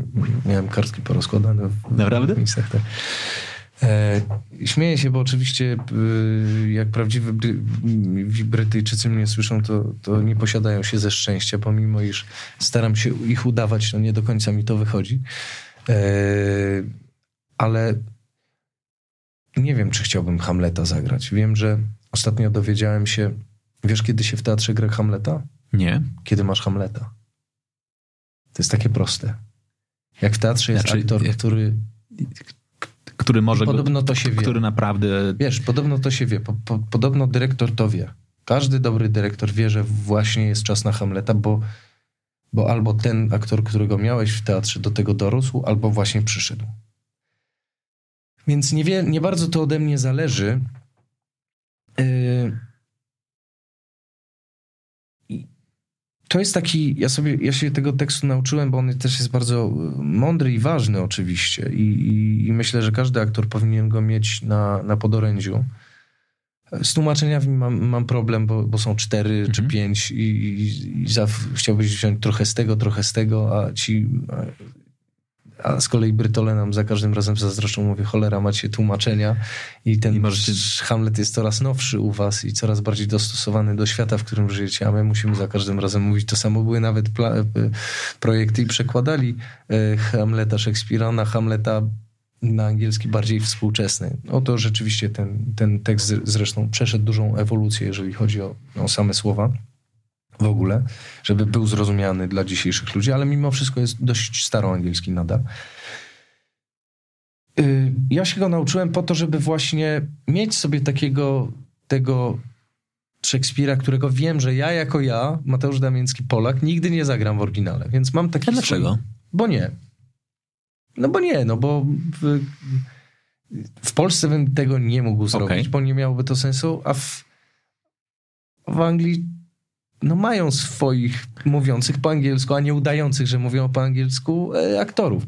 Więc ja mam dla własnej satysfakcji zaliczonego tego, e, jak to zresztą mówiło bardzo wielu fantastycznych e, aktorów, w toalecie naprawdę świetnie mi szło, jak później przychodzą na próbę i zapominają tekstu. Ja, żeby było śmieszniej, wyuczyłem się tego Szekspira właśnie w toalecie. I umiesz wyjść nawet z tej toalety. Co, co? Zacząłem wychodzić rzeczywiście, nie tylko pod prysznicem umiem go mówić jest takim moim marzeniem, żeby stanąć na dyskach być może teatru w, Gdyni, w Gdańsku. I po prostu nawet bez publiczności sobie kiedyś na tej podniesionej szekspirowskiej scenie przy otwartym dachu powiedzieć tego Szekspira tak dla siebie, albo chociaż dla żony. Yy, ale po to, po to go mam, po to, żeby nigdy nie spełnić tego marzenia. A reszta to już jak jak się, jak się potoczy. Najfajniejsze rzeczy w moim życiu zdarzały się zawsze przez przypadek yy, yy, i zawsze z nienacka. Yy, wiesz, na czym polega mój komfort w tej chwili, tutaj, jak ja jak siedzę, że nie mam pojęcia i żaden z nas, żaden z nas nie wie. W wielu zawodach tak jest, ale w moim jest to bardzo spektakularne, potrafi, potrafi być nie wiem, czy nie obudzę się rano i po obejrzeniu skakanki nie wejdę sobie na, na, na nie wiem, na skrzynkę i nie zobaczę y, wiadomości od mojego agenta. Słuchaj, Mateusz, zgłosili się nie wiem, Japończycy, bo szukają akurat od twórcy żołnierza, roli żołnierza polskiego, bo jest im to do, do takiego projektu w Chinach potrzebne. No, no może Chiny to nie jest dobra kono, jakby... Dzisiaj nie. Dzi- dzisiaj to nie jest dobry moment. Ale e, mówię abstrakcyjnie. Tak. Już mi się zdarzyło tyle abstrakcyjnych historii. Grałem w niemieckim filmie akurat Uciekiniera z Oświęcimia, ale y, jakby też przez... Przy, po prostu zadzwoniła do mnie agentka, która powiedziała, słuchaj, casting reżyserka szuka odtwórcę roli do niemieckiego filmu. Mamo, ale ja jestem w, w, w Rosji jeszcze na wyprawie. A kiedy wracasz? Tego i tego. No to przyjdziesz, ale ja mówię, nie umiem tekstu. To ci przyjdzie, ale ja nie mam czasu. Dobra, przyjdziesz i ten. No i nagle, w- wiesz, przyjeżdżam z tej Syberii, idę na ten casting, mam w głowie całe te 63 dni w tej z powrotem, które przejechałem e, samochodem. Wychodzę na, na, na, na, na scenkę taką małą, odgrywam to, czego się w Koślawo nauczyłem po niemiecku. I widzę, że jak już wychodzę na te, jak już wchodzę na tę scenę, ta reżyserka coś krzepcze do tej reżyserki castingowej, ta główna reżyserka, bo to reżyserowała Anna Justice, reżyserka. I już sobie myślę, kurczę, Już, już jej powiedziała, że, że go nie chce. że, że już go nie chcemy. Po czym jak już zagrałem w tym filmie, mówię, Anna, co, co ty wtedy mówiłaś do tej reżyserki? Pamiętasz, jak przyszedłem? A on mówi, do, bardzo dokładnie pamiętam. Ty otworzyłeś drzwi, ja wiedziałem, że to będziesz grał ty. A ja mówię, a czemu? On mówi, nie wiem, miałeś coś takiego w oczach. A wiesz, co ja miałem w oczach? No, Jej zmęczenie. potrzebne było, jej potrzebne było 4 lata w Oświęcimiu, a ja byłem po 63 dniach nie tylko jechania po Syberii, ale przede wszystkim mentalnego Mentalne. jechania przez drogę na kościach, na której, e, w której leżą wbite ciała 600 tysięcy osób, przez dobicie do Magadanów, który był głównym portem przeładunkowym. E, Z Władywostoku przepływały statki do Magadanu na barkach ludzie i stamtąd byli dysponowani na Czukotkę i Kamczatkę i miliony ludzi straciło życie albo przeszło przez łagry. Właśnie to był ten zamek, w którym, w którym się dysponowało tymi ludźmi. I nagle się okazało, że to doświadczenie wpłynęło tak bardzo na, na, na to, jak wyglądam i jak się czuję w danym momencie, że nie potrafiłem tego ukryć. I wystarczyło. Ale ja chwilę wcześniej nie wiedziałem, że to się stanie w moim życiu. Yy, najprostszy, naj, najprostsza historia y, o tym y, polega na tym, że, że kiedyś jako 17-latek zostałem zaproszony na casting przez Rosjan. Ja od 17 roku y, jeżdżę do Rosji. Ja mam w tej chwili 28. Wychodzi na to, y, że 21 jeżdżę tam lat. I Rosja jako taka zmieniła, i to wielokrotnie o tym mówiłem i gdzieś tam dawałem temu y, wyraz, zmieniła całkowicie moje życie. Bo ja poznałem Puszkina, y, zagrałem w Córce Kapitana, czyli mm, w filmie na podstawie bardzo, bardzo dobrej, wspaniałej prozy. To było opowiadanie Aleksandra Puszkina, który był mistrzem w swoim fachu. I zagrałem takiego Piotra Andrzejewicza Griniowa, czyli takiego bohatera, jakim jest, nie wiem, albo Skrzetuski dla, dla Polaków, albo Pan Tadeusz. Jeżeli stawiają cię w takiej roli, no to nagle twoje życie y, przybiera zupełnie inne tory. A byłem tam jako 17-latek i tam się okazało, że, że to moje serducho jest tak otwarte na ten step syberyjski, na te minus 44 stopnie Celsjusza. Wiele razy o tym mówiłem, ale za każdym razem jak to powtarzam, zdaję sobie sprawę, że byłem całkowicie bezbronny wobec tej nowej rzeczywistości, która mnie spotkała. I Bogu jestem za to wdzięczny, ponieważ yy, no, nie byłbym dzisiaj tym, kim jestem. Yy, I zobacz, po prostu zadzwonili do mnie, nagrali się na sekretarce, to był 97 rok, Mateusz, 8, przepraszam, Mateusz, przyjdź na casting, bo, bo tam taka druga reżyserka chciała z tobą porozmawiać. Jak później ze Swietą porozmawiałem na ten temat, mówię, jak ty wpadłaś na mnie? Ona mi mówi, w Rosji do tej roli, do tej tak kanonicznej roli dla literatury rosyjskiej, yy, przepatrzyliśmy tysiąc chłopaków. I reżyser za każdym razem mówił to samo. Nie, nie, nie. Это nie, это nie... yy, m- Mówił, że to nie szlachcic, Aha. tylko ten aktor to jest tylko, kurde... Ja potrzebuję takiego z 1008, z, z 1750, z 1765 roku, a nie z 98. Jest różnica między tym. I szukał, szukał, aż przyjechał do Polski i ona, wyobraź sobie, dowiedziała się o paru aktorach i jak schodziła ze schodów, to w agencji aktorskiej, w której akurat wtedy byłem, na, nad schodami wisiał, wisiała antyrama, w której było, nie wiem, z 60 zdjęć. Mówi, a eta kto? I wskazała na mnie, no. Ja nie mogę. Także jak pytasz mnie, co bym chciał zagrać, to moja odpowiedź jest prosta. Jeszcze nie wiem, co jest moim marzeniem. Dowiem się, dowiem się jak to zagram. E, I za każdym razem się tak u mnie dzieje. Ja nie wiedziałem, że ja chcę zagrać w Furiozie. A w tej chwili wiem, że to jest, to, to jest produkcja, która dała mi wszystko to, czego całe życie szukałem w, przez te ostatnie 28 lat mojej pracy w tym, w tym zawodzie. I w ogóle się nie boję tego, że zostałem nasycony. W ogóle, bo wiem, że zaraz przyjdzie coś innego, może parę razy się pomylę, może parę razy walnę kulą w płot, może parę razy źle wybiorę, ale znowu przyjdzie coś takiego, co mnie z innej strony zaskoczy.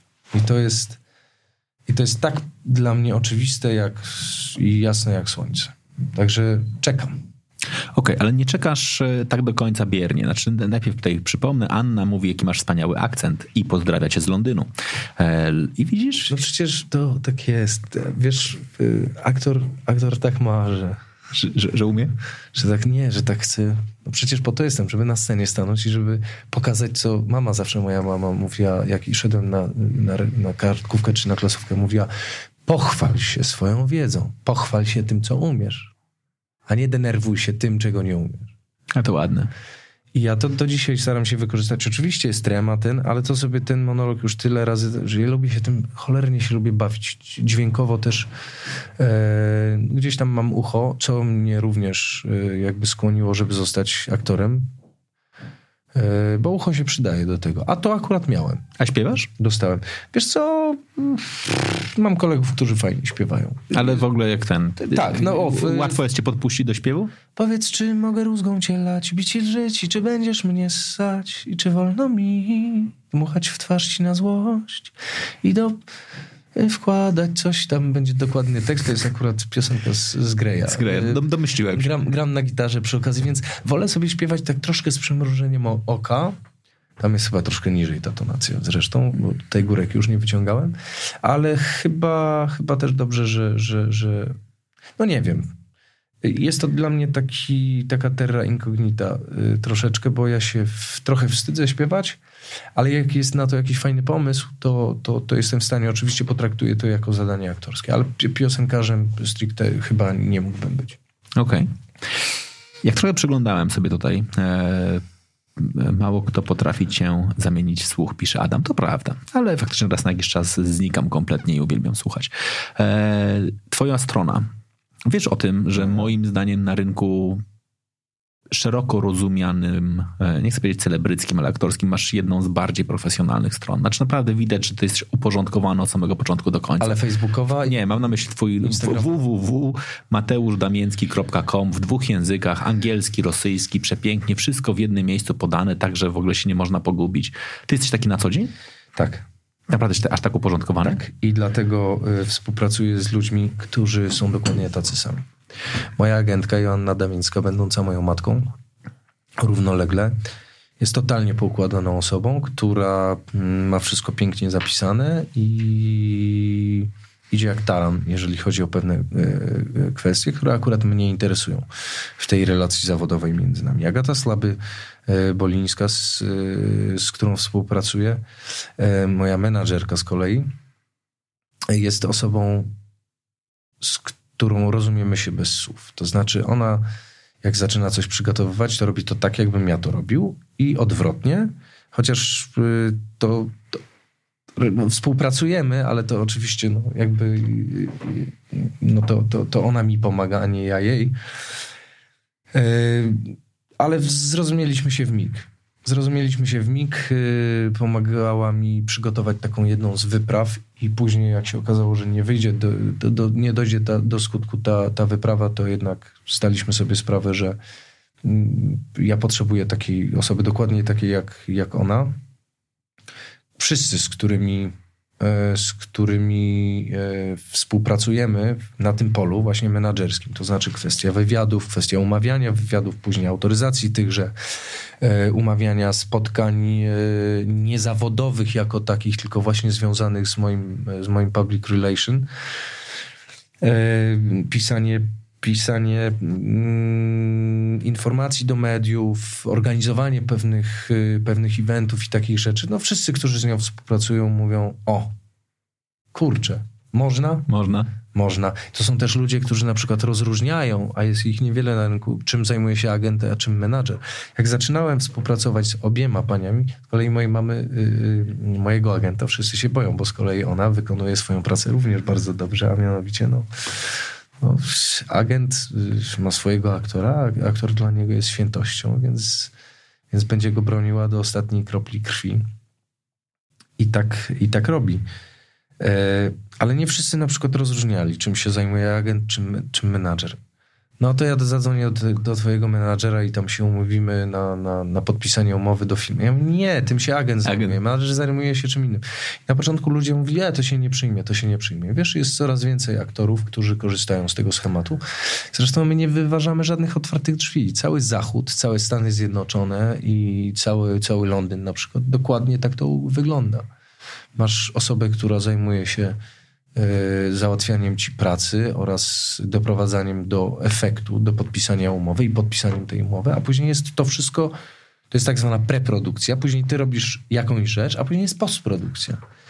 Czyli jak to wypromować, jak pokazać ciebie w tej robocie, ile można z tego wyciągnąć korzystając z pewnego kontentu, który, który sam wnosisz do tego jako aktor i jak można o tym, jak to można ubrać w słowa i, i, i jak opatrzyć zdjęciami, żeby to się jeszcze fajniej sprzedało. To jest taka transakcja łączona. No, na Boga, ja już mam prawie 40 lat, to rychło w czas.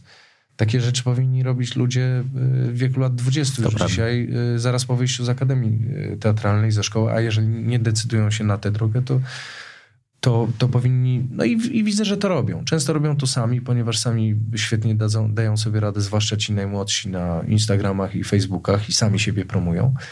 Ja po prostu fizycznie nie robię tego tak y, z takim znawstwem, jak osoby, z którymi współpracuję, a też fizycznie nie mam po prostu na to, na to czasu. Okej, okay, no dobrze. A strona no fajnie, że fajna, tylko pytanie, czy kto dzisiaj w dzisiejszych czasach z tej strony korzysta. Cieszę się, że na nią zajrzałeś. To znaczy, że działasz takim, takim schematem, yy, który mi bardzo odpowiada. To znaczy, jeżeli chcesz się dowiedzieć czegoś o, o kimś, to wolę najpierw... Oprócz tego, że wchodzisz na Wikipedię, to, to, co ono sobie to, mówi. To lepiej, to lepiej zobacz, tam nie ma miejsca na ściemy, jakieś oszukiwanie. Nie, tam jest, tam jest po prostu rzetelna informacja. Tam nie piszemy, że ja ładnie zagrałem, tylko ja pisałem w czym, jest napisane w czym zagrałem. Mhm. Nie jest napisane, że, e, że, że świetnie śpiewam, tylko że e, gram w przedstawieniach e, w na przykład w Klapsie 50 twarzy gry, jak sobie z kolei wejdziesz na link do tego, to się dowiesz, że to jest przedstawienie, w którym są piosenki i tak dalej, i tak dalej. Tam jest wszystko bardzo fajnie. Po... Tutaj są strony oczywiście, które mi pomagają, bo ja na przykład weryfikuję to z, takim, z taką stroną jak Film Polski. Mhm. Film Polski jest jedną z nielicznych stron internetowych, którymi ja się wspomagam, yy, poszukując informacji na swój własny temat. Okay. Bo oni są cholernie rzetelni. Tam bardzo mi się to podoba zresztą. I starałem się też, patrząc na, na ich stronę, jakby y, trochę, trochę tego wykorzystać, tej, tej informacji właśnie na mojej i tego, w jaki sposób oni to robią. Ale masz na przykład takie, takie, taki klawisz rzeczywiście, y, że demo dla reżyserów castingowych. Wchodzisz, no i masz dwuminutowe demo, które pokazuje wszystko to, czym ja właśnie chciałbym się pochwalić y, i podzielić z, z reżyserami na przykład, którzy chcieliby mnie zatrudnić. Czy ktoś na to wchodzi? Myślę, że tak. No, nie wiem. Nie, mam, nie prowadzę licznika akurat na tej stronie. No to może jeszcze tam mógłbyś się trochę pogrzebać w bebechach i Wiem, zobaczyć, co tam nie jest. mam, nie mam czasu. No dobra, a Adam e, Gieniusz, Adasiu, pozdrawiam cię bardzo serdecznie. Pewnie mógłbyś też trochę podpowiedzieć, że skoro mówisz, że nie masz czasu, to twoja obecna... Adam jest jednym z najlepszych ludzi w Polsce od tak zwanego community managementu, czyli zarządzanie grupami. W ogóle to, to co zrobiłeś w tej chwili, ty nie, nie, nie wiem, czy w ogóle masz świadomość tego. I ten Adam właśnie teraz do ciebie napisał? Adam tutaj pisze dokładnie, że właśnie mało kto potrafi za- zamienić mnie słuch, tak? To pozdrawiam cię serdecznie, Adasiu. Tak, Adam właśnie przed chwilą napisał. Więc Adam, faktycznie możesz we, dołączyć do grupy e, o skakance, e, czyli skakanka z Mateuszem i tam sobie zobaczyć, jak prowadzi tę grupę. Być może mu coś podpowiesz, bo to jest dopiero początkującym e, adminem grupy skakankowej, a to jest cholernie trudna robota być dobrym adminem grupy. Wiesz co, y, wczoraj jakby skorzystałem, ja też jestem otwarty i to jest jedna z moich licznych zalet, E, a mianowicie byłem otwarty na podpowiedzi Aha. i y, już wczoraj udało mi się zwerbować, a w zasadzie sami się zwerbowali trzej, y, y, Trzej tak admini. Nie, y, m- Moderatorzy. Moderatorzy, którzy powiedzieli, że zdejmą ze mnie część Wow, e, super. część pracy i bardzo serdecznie tu się wam właśnie kłaniam. To może ja może ich nawet wymienię, bo oni są super. Jest... No, nawet im tego nie obiecywałem, ale tak, jest... Słuchajcie, jest Marta, Paweł, no i Maria. Tak. Marta, Paweł i, i Maria i teraz Adam jeszcze dołączy, będzie ci na pewno też coś czas, czas na jakiś czas podpowiadał. Warto posłuchać Adama, bo Adam naprawdę jest przegościem, jeśli chodzi o w ogóle zarządzanie społecznościami. To ja chętnie tak. Y, Zastanawiałem się trochę, co zrobić dalej z tą grupą i jak ją wykorzystać, y, ale już myślimy o czymś właśnie dla Kacperka. Ja myślę, że dla Kacperka plus y, ja czekam na to, skoro jesteś i tak w naturalny sposób największym polskim ambasadorem skakanki. E, taki fajny performance, jak tylko pojawi się trochę ciepło, typu, nie wiem, cała Polska skacze nad Wisłą. Znaczy w ogóle, moim zdaniem, bulwary wiśniane, wiśniane są prze, przegenialnym miejscem na to, żeby Dobra, zrobić takie, dobra, takie, dobra, wiesz, biorę, dobra, zapiszę już. współ- wspólne skakanie, takie, Sobie wiesz... zaraz zapiszę. Ale poczekaj, bo pytałeś mnie o tamto, że ta strona, że ten... Ja się bardzo cieszę, że w ogóle ktoś to docenia, bo ja wychodzę z założenia, że tak, takim, wiesz, taka kropla drąży kamień. To znaczy, jeżeli będziemy wskazywać na to, co według nas jest okej, to y, swoją niezłomnością i tym, że nie zmieniamy non-stop zdania, że a jakby jednak to spójrzmy tę stronę, zróbmy jakąś... Nie, dodajemy ten, te, te, te informacje do niej powoli, powoli i nagle okazuje się, że zaczynamy przekonywać do tego ludzi. To jest tak jak z kazusem, wiesz, festiwali. O, pierwszy festiwal, to, to nikt ci nie przyjedzie na ten pierwszy, bo sobie wymyślili. Drugi, a nikt nie przyjedzie, wymyślili. Po 10 latach jest nagle kultowy. okazuje się, że jesteś kultowym y, i wszyscy chcą do ciebie przyjechać, a później okazuje się, że to są Oscary, nie? No, właśnie, a propos Stanów. Wszystko wymaga... Jezus, jaki będę teraz mądry. No, Czasu. Dobre, nie? dobre, dobre. Właśnie ci- ciągną cię Stany? Chciałbyś zagrać w Hollywood? Ja już miałem swoją przygodę ze Stanami Zjednoczonymi, ale mm, ktoś mi, nawet jakaś gazeta taka kolorowa wmówiła, że bardzo miałem duże ciśnienie. Chyba nawet w to nie uwierzyłem. Udało mi się nie uwierzyć w to, co napisali, bo najczęściej ludzie w to wierzą. Nawet ci, który, którzy są podmiotem e, e, na przykład jakiegoś artykułu. Ja byłem w Stanach, e, chodziłem do The Groundlings Studio, do takiej szkoły improwizacji. E, Wiesz co, bardziej wydaje mi się, że jeżeli ma się to wydarzyć, to właśnie na zasadzie, że potrzebujemy Polaka, który będzie nam tam potrzebny, załatwimy ci wszystkie dokumenty. Tam bez zielonej karty, bez wizy, bez możliwości pracy.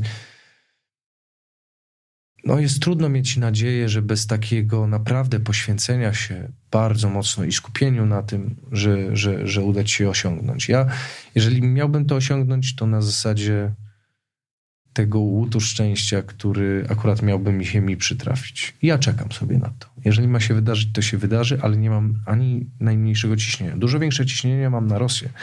Dlaczego? Dlatego, że raz tam zagrałem, później drugi raz tam zagrałem. Niestety, przez te 20 lat zagrałem tam zaledwie trzykrotnie.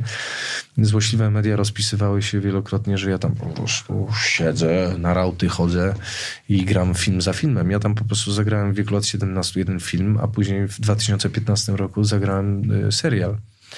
Jak ja stał ruskim zresztą. Serial, który do dzisiaj ma bardzo wielu uśmiechniętych widzów, ponieważ y, y, pośród nich, y, spośród nich rekrutują się, wyobraź sobie, ludzie, którzy chcą się nauczyć języka ros- rosyjskiego. To jest taki serial, gdzie ja bardzo często na, e, na swoich mediach społecznościowych dostaję, dostaję informację, że uczę się języka rosyjskiego. Moja nauczycielka od języka poleciła mi, żebym obejrzał sobie to, ten film, bo jest jakiś link, bo jestem ja jako Polak.